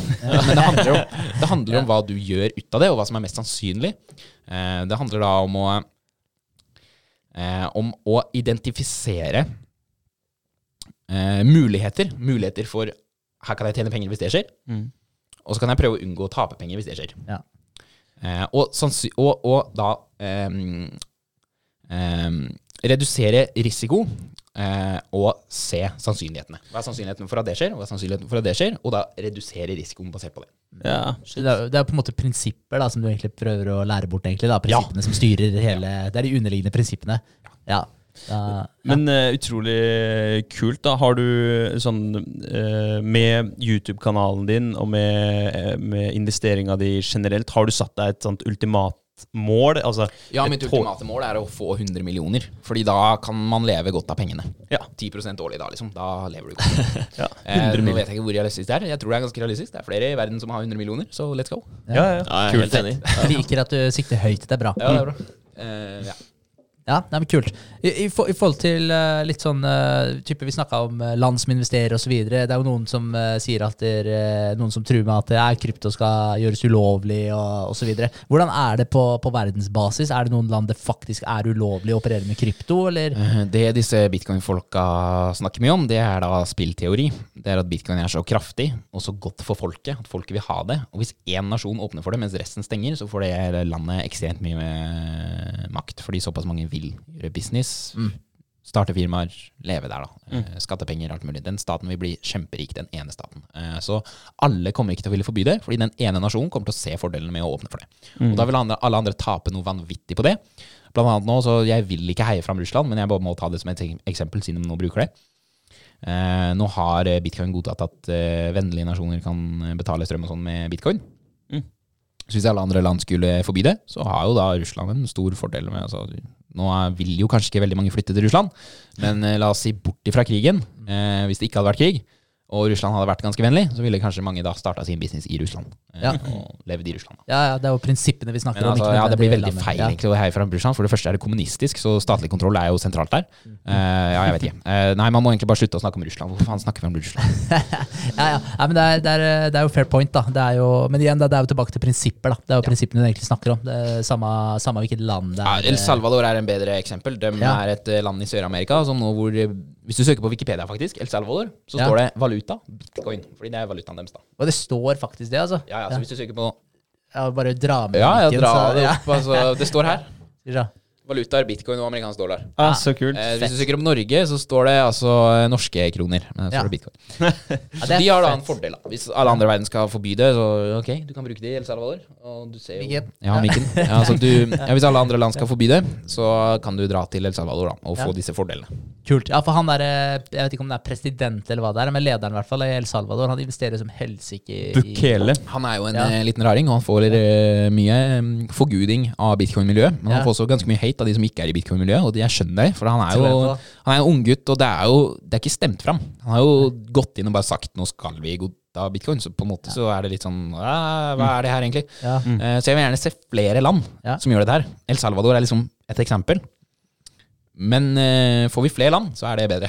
Jeg vil gjerne kunne komme med et godt eksempel, der hvor ikke nødvendigvis en, diktat, en diktator har bare sagt 'nå skal vi godta bitcoin'. Ja, ikke sant? Men på den annen side, den positive baksiden her da, er jo at noen faktisk går i bresjen for det her. Da. Og, og det, det baner jo, som du er inne på, da, det baner jo veien for andre, andre nasjoner, og egentlig en generell aksept da, utad i verden. Og det er jo veldig positivt. Han får jo støtte av mange millionærer nå, liksom milliardærer òg. Fordi det er jo dem som, altså dem som investerte tidlig i bitcoin og forstår seg på bitcoin, er gjerne milliardærer, liksom. Ja. Eh, og de drar jo dit og er der. De syns jo det er fett. Snakker med Bukele og sånn. Ja. Han, han presidenten. Ta en kaffe med Bukele. Uh, men også kan vi også snakke om El Salvadors vinkling på mining.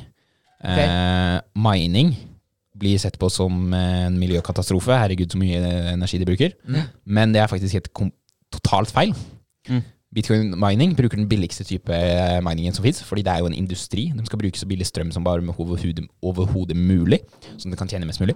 Og den billigste energien i verden, det er grønn energi, fornybar energi, som det fins uendelig mye av, eller fins ikke uendelig mye av, men det kommer jo Det er jo fornybart, da. Det ligger i jordet.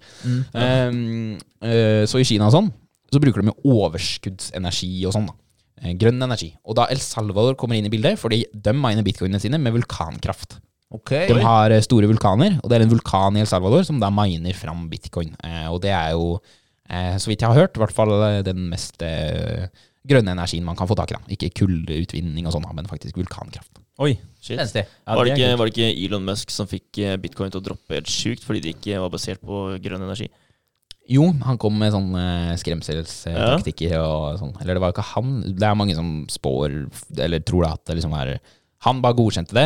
Så var liksom styret og investorer sånn Nei, du kan ikke godta det her fordi vi sier at det er farlig for miljøet. Og da måtte han liksom bare føye seg etter det, da. For altså, målet hans er jo ikke å lage desentralisert verden. Målet hans er jo f.eks. å komme seg til Mars, da. Mm. Eh, så hvis han mister investorer fordi han driver med bitcoin, så vil jo han droppe det med en gang. Han vil jo Ja. heller komme seg til Mars, på en måte. Ja. Så det er veldig mange som sier at ja, han eh, måtte si det, fordi det var det altså, investorene hans og hans sjefer på en måte sa. da. Mm. Ja. Eh, så han måtte bare føye seg etter det. Men, eh, eller om han faktisk mener det, det vet jeg ikke. Men veldig mange som har satt seg inn i minings eh, energipolitikk, eh, ser jo at det er ikke eh, det er ikke en klimakatastrofe eller med bitcoin-mining, liksom. Eh, og de sier jo det at Elon Musk skjønner dette veldig godt. Og de syns det er veldig rart. Er det, Ja, er det kjølinga av disse prosessene, holdt jeg på å si, datamaskinene, som krever mest energi? Nei, ja, ja, det er vel det å få det til å gå rundt, tror jeg. Ja, altså, ja. Det må jo være kraft som får rotorer til å spinne, og at det skaper elektrisitet og bla, bla. Ja, ok. Eh, varmen er jo en annen ting som faktisk er bra. Du kan jo bruke denne varmen som gulvvarme i huset ditt. Det er en fyr som heter Sturle her i Norge. Han har vært i Norge, sikkert Norges første bitcoin-investor. Han gjorde det. Han hadde gulvvarme på bitcoin-mininga si. uh, han uh, ble også eh, altså det er mye, Man skal være litt forsiktig når man driver med krypto òg. Det er mye scams, mange folk som vil ha bitcoinene dine. Ja. Så det var en exchange som het Mount Gox, som da var det sikreste, eller enkleste stedet å få kjøpt bitcoin på i 2013, eller noe sånt. Uh, men i 2014 så uh, stakk jo eierne av det av. Det ble liksom slått, da. Mm. Ah, Eller det ble hacka, det ble hacka Ja. tror jeg. Eh, ja. Så han mista 700 bitcoin da, i den hacken. Å, fuck. Ja. Oh, nei. Ja. det er for mye, altså. Det det er for mye, ja. For nå er, nå er bitcoin er på hva er det, 30 000 dollar, liksom. Ja. Si bare grovt regna 300 000 Ja, kroner. da. 250 000 kroner. Eller. Ja, ikke sant. Så den er, er- den er lei. Den er lei. Men, men jeg tenker jo litt sånn i forhold til det der miljøgreiene sånn nå, da. Jeg, jeg tenker jo litt eh, eh, sånn som det er generelt, da. Altså hvis du ser på Ok, man bruker mye fossile brennstoffer som, eh, som energikilder. Men altså nå er vi vane med, da. Og vi har smarttelefoner, du har fly. Eh, altså Vi har alt så forbanna lett tilgjengelig. da. Du klarer ikke å reversere den her. Den eneste måten vi har å, å på en måte bringe verden framover på, da, og fortsatt opprettholde en viss levestandard, det er å finne bedre teknologiske løsninger. Og det som faktisk bidrar til det, er jo eh, økonomien. Og der er jo kapitalismen en veldig eh, stor eh, pådriver. da. For nå er det jo et eh, veldig fokus på det med ok, det grønne skiftet, ren energi osv. Okay, hva er det du tjener penger på? Jo, ren energi, fordi da har du automatisk veldig mange kunder. Da, så Det er appellerende for folk. Og veldig mange kryptoer eh, eh, baserer seg på det. Altså Her kan du ha en kryptovaluta som du kan betale med på sekundet, og det er grønt, det bruker ikke noe energi. Men igjen, du mister desentralisering, som er hele poenget, og du mister sikkerheten, som er hele poenget. Eh, og bitcoin-mining er, eh, bidrar faktisk til en grønnere verden, mener veldig mange som har satt seg inn i bitcoin-mining. Ja. Jeg eh, er jo 19 år, jeg kan ikke påstå noe som helst. Men jeg prøver å gjenfortelle, gjenfortelle ting som jeg har lært. Ja, ja, ikke sant. Men, men jeg tenker sånn som han som bruker det, da han Sturle, da, som bruker det som uh, gulvvarme. ikke sant? Altså Det er jo masse sånne løsninger som kommer til å komme opp da, for å faktisk bidra positivt da, og få utvinna mest mulig, eller nyttiggjort seg da, av mest mulig av den energien som man skaper. Så, så jeg tror jo løsninga er ikke å fjerne fly, da, for å si det på den måten. da. Løsninga er å finne en renere måte å reise Yes. på, Mm. eller med fly på. da. Ja. Og det blir også det, altså hvis du sammenligner bitcoin som skal være et nytt banksystem, da, Mm. med banksystemet, så bruker det 2% av energien på en måte. Det bruker, altså Hvis eh, banksystemet er 100% utslipp, så bruker bitcoin 2% utslipp. da. Ja. Det er noe sånt, da. Okay. Ja. Ikke eksakte, ikke eksakte tall. Jeg har ikke studien her foran meg, men det er det jeg har lest, tror jeg. da. Ja, i, i den rangen. Ja. Ja, Det er sånn cirka. Det er live, så vi kan ikke sjekke av. Men, okay. men hvis vi går litt over til sånn type skatt og avgifter og sånn, når det kommer til, uh, kommer til bitcoins Du, du snakka i stad om at du har en gas fee, da, altså en transaksjonsgebyr, egentlig. Da. Ja, og det er det som Eh, får hele greiene til å få rundt. Altså, um, eh, eller um, Ja, for du må jo betale de som uh, sikrer pengene dine, på en måte. Mm. Du betaler dem, pluss at de også får betalt så lenge det fins bitcoin å utvinne. Så de får på en måte betalt av transaksjonsavgiften, og de får betalt av nettverket. Ja. Men da snakker du om miners, eller de som faktisk Ja. har den ledgeren da, på, Ja. på systemet Ja, de sitt? som miner, det de som verifiserer det, og Ja. da får pengene. Ja, du betaler. Men det blir egentlig helt det samme som eh, hvis du har en aksje, da, og du kjøper ut en aksje. Så er det Hvis du har en forvalter, da, Og du betaler han, blir det samme egentlig? Eller? Ja, så er det det at det er, Ethereum ble litt dyrt, eh, bare basert på hvordan det er bygd. Men eh, bitcoin er ikke ekstremt dyrt. Nå koster det 20 kroner. Eh, hva enn du skal gjøre på bitcoin, Ja. så koster det 20 kroner å få det verifisert. da. Oh, ja, ok. Det er ikke så mye. Altså, I mai, når det tok av litt for mye, altså det ble litt for mange transaksjoner per eh, blokk og sånn, så ble det 200 kroner, liksom. Eh, men bitcoin er et helt nytt pengesystem, og det er ment for milliardbeløp. Og når du kan sende en milliard kroner, 50 milliarder kroner, for en avgift på 20 kroner Det fins ikke Nei, noe annet sted i verden. det er sjukt. Men hvis du skal kjøpe deg en kaffe, og den koster 20 kroner, så må du ut med 40 kroner. Det er litt mye. Ja, Men sant? det fins løsninger. Ja. Hvis du går off-chain, som det heter, du kobler deg litt vekk fra blokkjeden, samler dette i en egen blokk lokalt, du kobler deg opp med på en måte butikken, Mm. så samler på en måte Det her tror jeg er det Arcane og Torbjørn Mulig Jensen hjelper folk med, å sette opp dette systemet her, Lightning. Du kobler deg bare til noden til butikken, på en måte. Eh, så samles det, og så blir det da samles opp og gitt ut som én transaksjon. Så da har du kanskje i løpet av en dag eh, butikken tjent eh, 10 000 kroner, og da blir det da 20 kroner for de 10 000 kroner som samles i en transaksjon i stedet. Eh, så, og da blir det 20 kroner fordelt på alle transaksjonene gjennom hele dagen. Da betaler du kanskje et øre da, i stedet for den Ja. avgiften. Ja. Lightning-nettverk bruker da minimalt med penger. Smart. Men, men generelt sånn eh, skatt og sånn, altså for uh, hvordan er det i Norge, da, hvis noen som hører på har lyst til å investere i uh, krypto, eller i bitcoin, da, for å ta det som et eksempel. Hvordan er det i forhold til å realisere gevinster? på Eh, altså, skatt er noe du skal tenke på, men du trenger ikke stresse over det. Altså, det letteste for meg å si nå det, altså, Skatt er mye greier, men jeg har en veldig god video på det på kanalen. Ja. Mm. Så hvis du skal investere i kryptovaluta, så bare se den 20 minutter videoen på kanalen min.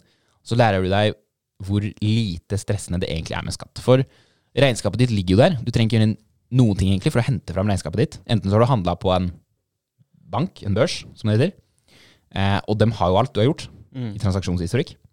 Eller så har du handla på blokkjeden med din egen lommebok. Og blokkjeden er jo et regnskapssystem i seg selv. Mm. Sam alt er samla overalt. Så det er bare å hente fram den riktige informasjonen. Eh, den skattevideoen lærer deg alle reglene. Generelle regler er at det er 22% på alt du har tjent. Har du tjent 100 000 kroner, så må du betale 22 av det, som er 22 000 kroner til staten. Det er den generelle regelen, men det er masse andre regler òg. Det fins jo NFTs, airdrops, staking, interest rates, masse greier. Videoen på kanalen min forklarer meg alle reglene sånn generelt sett på alt dette her, eh, og viser altså hvordan du da samler informasjon og leverer det på skattemeldingen din. Ja. Ja, ikke sant? Nice. Det er kjekt, eh, kjekt at du har disse videoene. Altså. Ja. Men, men vi, kan ikke, vi kan ikke gå gjennom en pod med deg uten å nevne eh, broren din og typen ja. Lambo og det greiene der. Ok, så Lamborghini har jo i alle år vært en sånn meme da i kryptogreiene. Ja. Man, det er sånn aper som spør seg uh, Nå har jeg investert i krypto, when Lambo? Ikke sant? Uh, og så er det kanskje det greiene at det går ikke så fort som man alltid skal. Det er ikke lett å bli rik. Man må gjennom opp- og nedturer, og man må være tålmodig for å bli rik. Du blir ikke rik over natta. Og finne, du hører om han ene som tjente 100 x på en altcoin. Uh, ikke prøv det, fordi det er flaks. Eh, eller det er ikke nødvendigvis flaks, men han har så sykt mye mer kunnskap enn deg, da. Og gjerne kunnskap betyr eh, ofte rikdom. Mm. Eh, jo mer kunnskap du har, jo lettere kan du gjøre ting. Kunnskap, kunnskap kommer ikke over natta. Kunnskap må du bruke tid for å Mm. finne. Kunnskap lærer du på kanalen min, blant annet. eh, ja. eh, så altså, ikke prøv det med en gang. Sats heller på bitcoin. Og så er denne memen da ment som en sånn When Lambo, nå har jeg kjøpt eh, 1000 kroner i bitcoin. Når er det jeg får råd til Lambo, liksom? Mm. Nei, det, du må jo gjerne gjøre litt mer enn det, da. eh, men jo, han fikk det til. Han eh, var jo han som lærte meg å trade. Daytrade. Så vi har gjort det bra med bitcoin-trading på Bybit, som er den plattformen vi bruker til å trade bitcoin på. Eh, og så investerte han jo på et perfekt tidspunkt. Han så jo det da, at nå, nå er det en fin tid å investere på. Han venta et års tid med å investere, liksom. Nå skal jeg inn. Nå satser jeg alt på det her. Så gikk det opp, og så gikk det ned, og så gikk det enda mer ned. Og så gikk det opp som bare det. Og så Og da hodla han akkurat da det gikk ned, da. ja, han ja. holdt, fordi han hadde troa på at det her skal opp. Syklus, Ikke sant? teknisk analyse, fundamental analyse. Alt dette her som han har satt seg inn i. Brukt masse tid på å lære kunnskapen sin. Han brukte det. Eh, og så har han Mange vil jo si at det er en helt idiotisk investering å kjøpe seg en Lamborghini. Og jeg er veldig enig. Det er ikke en god investering. Men så blir det sånn at alt du gjør i livet, trenger ikke nødvendigvis være en økonomisk investering heller. Han har hele livet vært interessert i bil. Da. Han eh, kjørte rundt i sånne leke-Ferrarier og sånn. Eh, hatt biler, skrudd på motorer, uh, vaska biler. Er hele livet hans er bil. Da. Mm. Når hele livet ditt er bil, og du har muligheten til å kjøpe en Lamborghini og fortsatt sitte igjen med ganske mye. da. Han solgte jo liksom ikke hele porteføljen sin. Liksom. Han sitter jo fortsatt der med en god del bitcoin. liksom. Mm. Ehm, så var det han gjorde det, og han har aldri hatt det bedre i livet sitt enn han har det nå. Kult. Du kan velge da å være en, eh, en eh, sparer. eh, En, en, eh, jeg velger gjerne å være sparer, for jeg trenger ikke nødvendigvis en Lamborghini. eh, Og mange er sånn, men noen mennesker er sånn. da. De vil gjerne ha den gleden, og de får bare en mye mer livsglede av det. da. Ja. Og han er 25 år, han kan jo ikke noen Jeg har sett at noen i Norge til og med har kjøpt en McLaren som 70-åring, Ja. eh, men han mener jo det da, at det er ikke like gøy når du er 40 år og har barn Nei. å ha en Lamborghini. Han mener at det er nå man skal ha en Lamborghini, eller aldri. Det Ja, Nei, fair enough. Fair enough. Det er eh, fett anyways, Ja, da. det er litt av et mål å nå, da. Det er det. Ja, ja. Ja. Det er jo dritkult. Så kan man jo kalle det Norges bitcoin Lamborghini. Jeg vet ikke om det er noen andre. altså Jeg sier det i videoen også, da. Jeg skal ikke ta den at det er Norges første bitcoin Lamborghini. Eh, for det kan være andre der ute som ikke har hørt om. Eh, det er jo greit når du har en Lamborghini, så trenger du ikke nødvendigvis skryte så mye av den at alle skal høre om den. Eh, men eh, ja, det er en eh, bitcoin Lamborghini i Norge, og det syns vi er litt fett. Ja, det er kult. Det er det. Absolutt.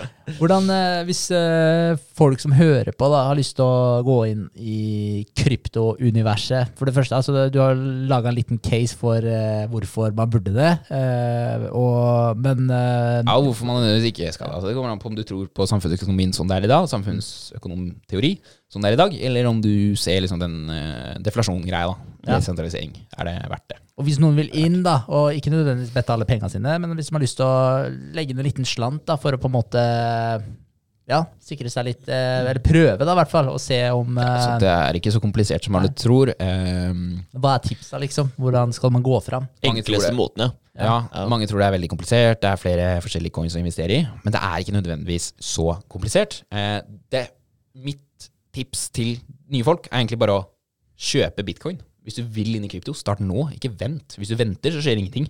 Når du først er inne, da kommer på en punchen. Hva er det jeg har kjøpt nå? Hvorfor går det opp i verdi? Hvorfor faller det i verdi? Du har kjøpt bitcoin, start med bitcoin. Bare sånn at du lærer deg hva det er for noe. Ikke gå inn i for mye greier som du nødvendigvis ikke vet, vet hvor skal de neste årene. Veldig mange rundt omkring vil jo si den altcoinen her kommer til å gjøre det dritbra om ti år. Hvorfor skal du stole på han? Ikke sant? Eh, se heller på hva som har skjedd tidligere. Alt, eh, alle spådommer må jo baseres på en ting, og det eneste man kan basere på, er hva som har skjedd tidligere. Eh, og når det gjelder hva som har skjedd tidligere, så er eh, bitcoin det eneste som har såpass lang historikk med å egentlig bare gå rett oppover. Mm. Du får noen korreksjoner her og der, men sett på en logaritmisk prisgraf, så ser du at bitcoin egentlig bare går oppover eh, på langtidsperspektiv. Så det er en, i forhold til kryptorisikoen, så er bitcoin det tryggeste. da. Er den trygge havnen innenfor krypto. Start der, kjøp litt bitcoin, sjekk ut hva det er for noe, eh, og så må du bare starte. Ja. Men når du sier kjøp eh, bitcoin, da, for en som aldri har holdt på med krypto, vet ikke hva det er, basically, hvor, eh, jeg håper de vet litt mer hva det er nå, da, men altså, hvor, hvor går du inn og kjøper det? Er det en spesiell app du bruker, nettside? Som sagt, jeg er veldig glad i Norwegian Block Exchange. Du Ja. kan bare søke opp Norwegian Block Exchange på Google eller Safari eller hva du bruker. Eh, Gå inn på nettsiden nbx.com. Det står der for norwegianblockexchange.com. Mm. Du lager deg en bruker med passord og e-mail. Verifiserer deg med banken din, tror jeg. Så er det sånn hvitvaskingsregler, så de er jo nødt til å vite litt sånn der Hvor mye har du tenkt å sette inn, hvor kommer pengene fra, er du politisk engasjert, bla, bla, bla. Så må du svare på litt sånne spørsmål. Men det er ikke NBX sin feil, det er heller Eh, heller skatteetatens feil. da. Ja, det Man må du i banken da. Ja, man har antihvitvaskingsregler. da. Ja. Eh, for at man skal vite hvor penger kommer fra, da, at ikke du har svartehandla og masse greier. Mm. Eh, så du må bare svare på litt spørsmål, og så er du i gang. Så kan du gjøre et innskudd. Det tar deg en time, kanskje, så har du penger der inne. Du overfører da norske kroner inn på MBX. Så kan du gå på eh, marked, og så kan du kjøpe masse forskjellige kryptovalutaer, men start med bitcoin. Ja. Avgifter og sånn eh, på NBX, hvordan eh, ligger de? Ingenting for å sette inn norske kroner. Uh, og så ble jeg litt usikker. Jo, handelsavgiften. Altså når du har norske kroner der, Mm. og skal kjøpe bitcoin for eksempel, så er det 0,5% avgift. Og uh, internasjonalt sett så er det ingenting. Coinbase for eksempel tror jeg er oppe i 2% Så Mm. 0,5% det er jo da hvis du kjøper for 1000 kroner, så er det eh, 50-lapp? 80 kroner. Ja, er det det? Ja. 0,5? Ja, det er kanskje? Ja, det er det. Jeg mener det. Ja, jo. Ja, og da må markedet opp 0,5 da, så har du tjent tilbake de pengene. Ja. Ja. Ja, men, Ja, eh, jeg bruker jo Coinbase, jeg, og det er 2% da. Jo, jeg får også mange meldinger sånn at eh, Hvorfor går ikke pengene mine opp? De har liksom ikke helt skjønt det med at Du har en pris. Si bitcoin koster 10 000 dollar. Så går det opp til 10 100 dollar. Da er bitcoin-prisen opp 10% Så hvis du har 1000 dollar investert i bitcoin da, hvis du har kjøpt bitcoin for 1000 kroner, så har bitcoin gått opp 10 Ja, 1 Da har du- ja. Du sa 100, gjorde du ikke det? 10 Jo, hvis det er 1% Ja. Ok, da har det gått opp 1 Da har også investeringen din gått opp 1% og 1% av det du satte inn Du satte inn 1000 kroner. Da er det 10 kroner. Ja. Ja, det er bra. ja. Ja. Bra. Ja. Ja, Det er, det er kjekt å vite at du ikke forventer at du skal bli millionær på, på en Ja, liten eh, Så på en måte hvis bitcoin er opp 2% så altså investeringen din det du putta inn, opp 2 Ja, ja. Ja. Men jeg, jeg bare jeg har sett og lagt merke til når jeg har vært inne på og lest litt og sjekka noe forum og sånt, og så er det mange sånne der fangrupper av forskjellige altcoins. Sånn type Ripple er vel en av de som har eh, størst eh, type forventninger rundt. Da. Der er det sånn rettssak. Ja, bare vent til rettssaken går over, eller de, de vinner rettssaken, så, så går eh, Ripple opp, eller XRP, da. Ja, det Eh, er mange som får sånn det, Ja, eh, man kan vel si det er en type tunnelsyn. Man får litt sånn Den coin her, den skal gjøre det bra, den kommer til å gjøre det bra. Og så putter man bare penga i den. Eh, mange vil kanskje si at jeg har det med bitcoin, men eh, som sagt, som dere også har sett i denne episoden her, jeg prøver jo ikke å ha det. Jeg ser jo verdiene med Ethereum, og jeg ser jo at det er mulig å tjene penger overalt. Mm. Eh, men veldig mange da blir sånn eh, XRP-fans. Eh, Og XRP er en kjent coin, og det er fordi den er veldig kontroversiell. Ethereum og bitcoin prøver å erstatte banksystemet. banksystemet prøver å gjøre alt desentralisert. Ta vekk makten fra folk. Mens XRP det er en billig og, som nevnt tidligere, folk er litt sånn av klima og sånn, Mm. billig og energieffektiv, altså bruker litt energi. Eh, måte å bare forbedre det banksystemet vi har i dag. Det er egentlig bare raskere transaksjoner. Okay. Som gjør at når du vippser en venn, da, så er ikke det et regnskap som må gjøres opp to dager senere, men du sender en XRP-coin da, som Mm. skjer, i, eh, skjer på sekundet. Eh, og det, det tilhører det banksystemet som er Swift og sånn. Det heter ISO 222 eller noe sånt. Eh, og det skal på en måte forbedre det, da. Og det er flere kryptoer som gjør det. Det er XRP, XLM og noen andre. Uh, og XRP er da den største av de. Den har også vart ganske lenge, siden 2015 eller noe sånt. Um, og man blir gjerne veldig fan av den da, hvis man nødvendigvis ikke ser helt greia med krypto, Mm. eh, men tror at banksystemet kommer til å fortsette å være, og at XRP da vil faktisk forbedre banksystemet. Og så, og så, og så ser de da på hvor mye penger som er i omløp da, i banksystemet, kontra hva XRP er verdt, markedsverdien på XRP. Hvor mye penger er det faktisk i XRP, liksom? Så ser de at det har enormt potensial. Noen sier jo sikkert det at hvis XRP faktisk blir den globale pengen, så skal det opp til 1000 dollar og sånn. Eh, Jeg tror ikke nødvendigvis det. Jeg har en litt mer konservativ eh, syn på det. Mm. Jeg tror at det kortsiktig kan eh, gjøre banksystemet bedre, men så vil jeg jo også heller ha bitcoin. da. Jeg vil jo ha det desentraliserte. Mm. Så jeg har XRP, og det er for å hedge min egen mening, på en måte. Eh, Ja, okay. Jeg tror ikke XRP kommer til å gjøre det så bra, men det er fullt mulig at den gjør det, og da eier jeg litt XRP. Ja. Eh, sånn prisgrafmessig, tradingmessig, så ser jeg det at i grafen nå så står vi foran en syklus som kan gi XRP to ganske kraftige topper oppover. Mm. Så min Altså, don't hate it, don't date it, just trade it. Du skal ikke hate det, du skal ikke elske det. Og ja, altså, det er litt også feilen med sånne folk som elsker en coin. da Ikke Mm. elsk bitcoin, ikke elsk XRP, bare trade det, liksom. Mm. Eh, I hvert fall med daytrading. da Ikke langsiktige analyser og hva politisk. da Bitcoin er litt sånn politisk. Jeg vil at det skal skje. Kom igjen, gi oss den, det samfunnet, på en måte. Men tradingmessig, da. Ikke hat noe, ikke helst noe. Eh, se på hva som skjer, momentum og sånn. Og XRP kan fort eh, i hvert fall triples og alt mulig. Eh, men eh, det er også andre kryptovaluter som også lett kan triples. Så det er ikke nødvendigvis sånn at du må kjøpe XRP fordi den skal triples. Det er jo snakk om at hele kryptomarkedet skal triples, da. sannsynlig. For du, du kjøper jo da litt eh, Fordi det her er jo jobben din. Ja, det er Eh, jobben min. Ikke sant? Så om du kjøper en eh, XRP, så får, du- blir du også mer investert i å følge med på markedet, de forskjellige markedene, sånn at du kan, kan spå litt mer, eller gi noen tips, da. Og være litt mer informert sjøl. Ja, ja, og Ja. jeg får masse sånn sjekk, sjekk ut Hex, sjekk ut XRP, sjekk ut Cake, og da gjør jeg jo det, liksom. Fordi, ja, og så ser jeg potensialet, så er jeg ærlig, ja, det her er potensialet i prisgrafen.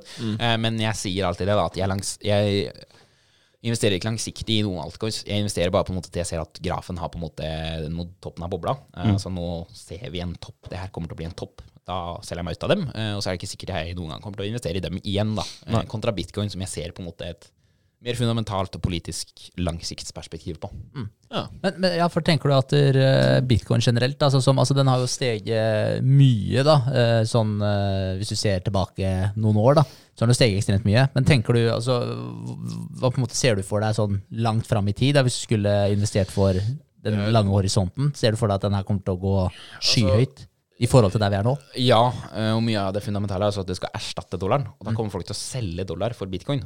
Og når for eksempel du selger mye bitcoin, så krasjer jo bitcoin nedover. Når du da selger dollar, så krasjer jo dollar. Hva gjør du med bitcoin-prisen? Det betyr ikke at bitcoin nødvendigvis gjør at du kan kjøpe flere lamboer.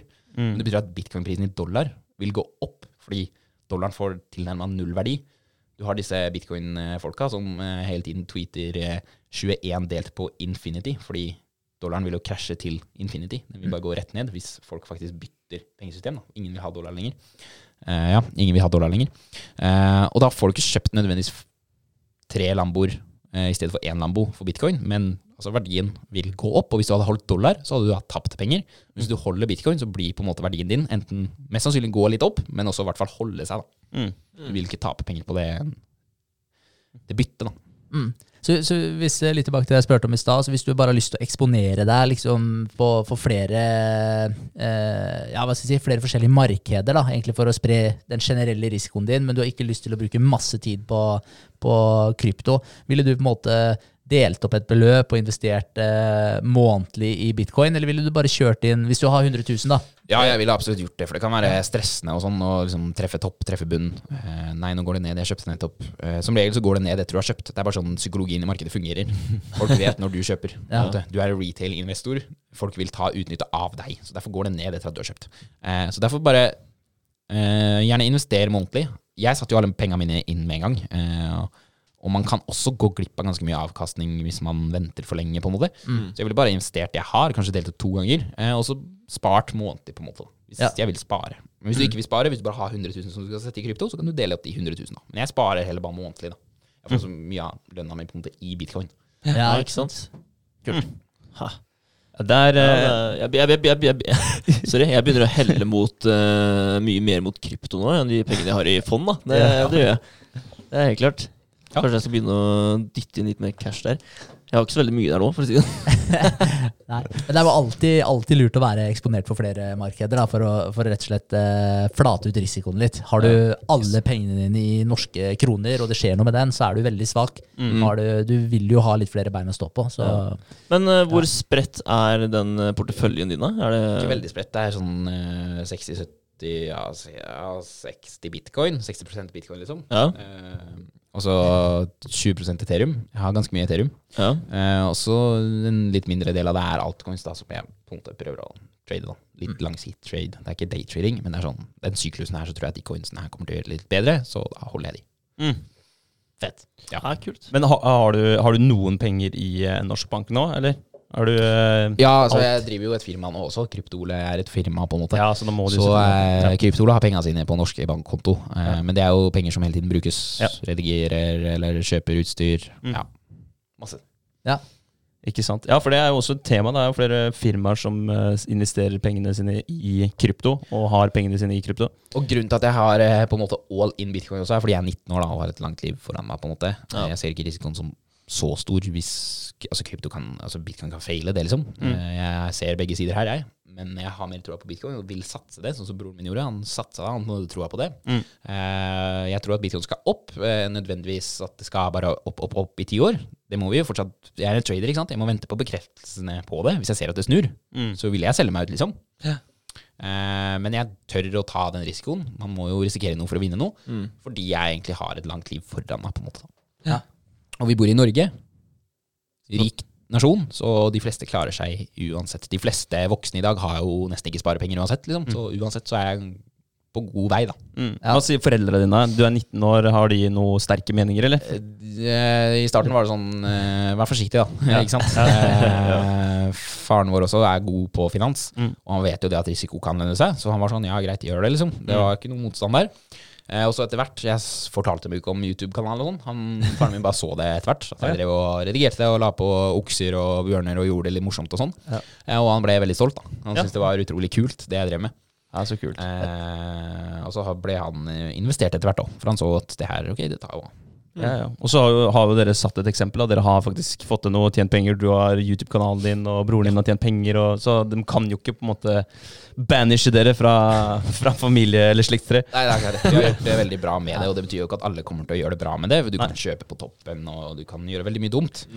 Men det er jo da det bare er viktig å ha det der eh, langsiktige perspektivet. Hvor tror du bitcoin er om ti år? Tror du yes, it's gonna go up? Eh, så har det ikke noe å si om du kjøper på 60 eller 30 000. eh, Fordi det kommer til å gå opp, du kommer til å tjene pengene dine uansett.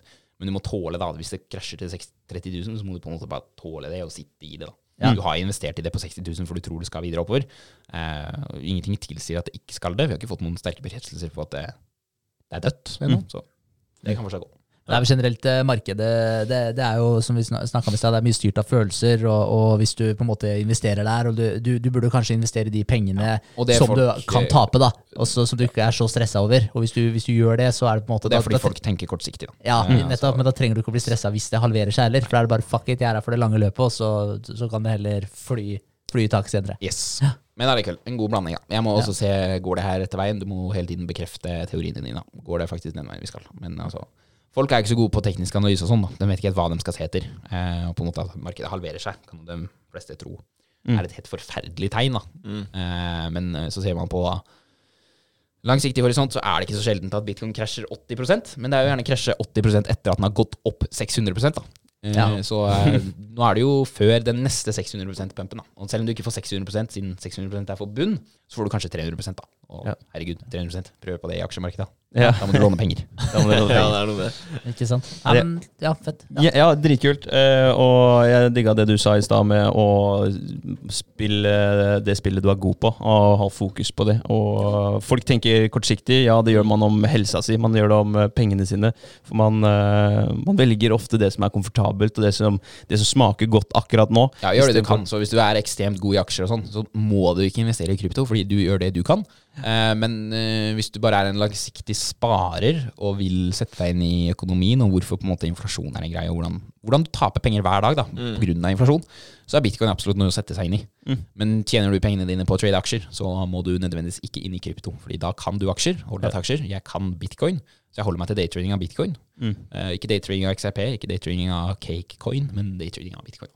Og så eh, ser jeg på mer sånn eh, litt større svingninger i andre altcoins. Ja. På grunn av det potensialet at ok, nå er bitcoin opp eh, 100 eh, Nå må jeg ha den neste bitcoin. Ja. Og veldig mange tenker sånn, og da går altcoins også opp. Ja. Eh, litt mer også, for de er mindre. Så det skal mindre penger til for at prisene går oppover. Ja, Mm. ikke sant? Og det handler jo om at eh, Og grunnen til det, det er jo fordi at du har så som mange holdere, og du har kanskje ikke Du har, du har få holdere, da, og så kommer det masse kjøpere inn. Eh, og da er det altfor mye penger som skal inn, kontra hva det ligger der. Eh, og da går prisene opp. Volumet, eh, volumbalansen, altså på holdere og kjøpere, blir helt sånn eh, Balansen blir helt sånn whoop? Skjevfordelt, ja. Ja, Skeivfordel, da. Du har så mange kjøpere, så mange selgere, og da må prisene gå opp. Mm. Mens med bitcoin så har du flere selgere, fordi det er såpass mye større. Og da er det litt mindre prissvingninger, men også mye mer prissvingninger enn i aksjemarkedet, siden du har alt dette med fireårssykluser, eh, adopsjon og egentlig alt mulig. Spenstig. Ja. Får jeg spørre om avkastninga di? Bare sånn, eh, sånn ish, siden du starta, da, hvordan har avkastninga di vært? spot, altså på, på bare investeringsporteføljen så er den mellom eh, 400 og 800% Jeg tror den var på 800% når vi var på 60 000 ca., og nå er den på da 400 Ja, det er jo insane. eh, Ja, den, ja, altså jeg har kjøpt månedlig, så det er jo ikke det på alt, men Nei. av den første investeringen. Ja, ja ok. Sjukt. Ja. Ja, men det er jo en helt syk, syk return. Da. Og vi kunne sikkert ha sittet og snakka i en eh, time til, kanskje Ja. to. Ja, er eh, for jeg, ja, jeg har jævlig mange flere spørsmål, egentlig. Men eh, vi respekterer jo at du har en lang reisevei. Eh, Så kanskje vi kunne ja, Vi kunne kjørt en, en del to en gang. Ja, ja. Ja, ja. Jeg er med på det, for det var fett å være her. Jeg angrer ikke på at jeg kom hit. Nei, Nei, så kult. Veldig hyggelig. Krypto-Ole. Hvor kan vi finne ja. deg? Altså Ja, de altså, som hører på og ser på. YouTube er uh, hovedplattformen. YouTube eh, Kryptole. Mm. Uh, så kan du kontakte meg på Twitter eller Facebook, da, med altså, direkte meldinger på Messenger på Facebook eller Twitter. Ja.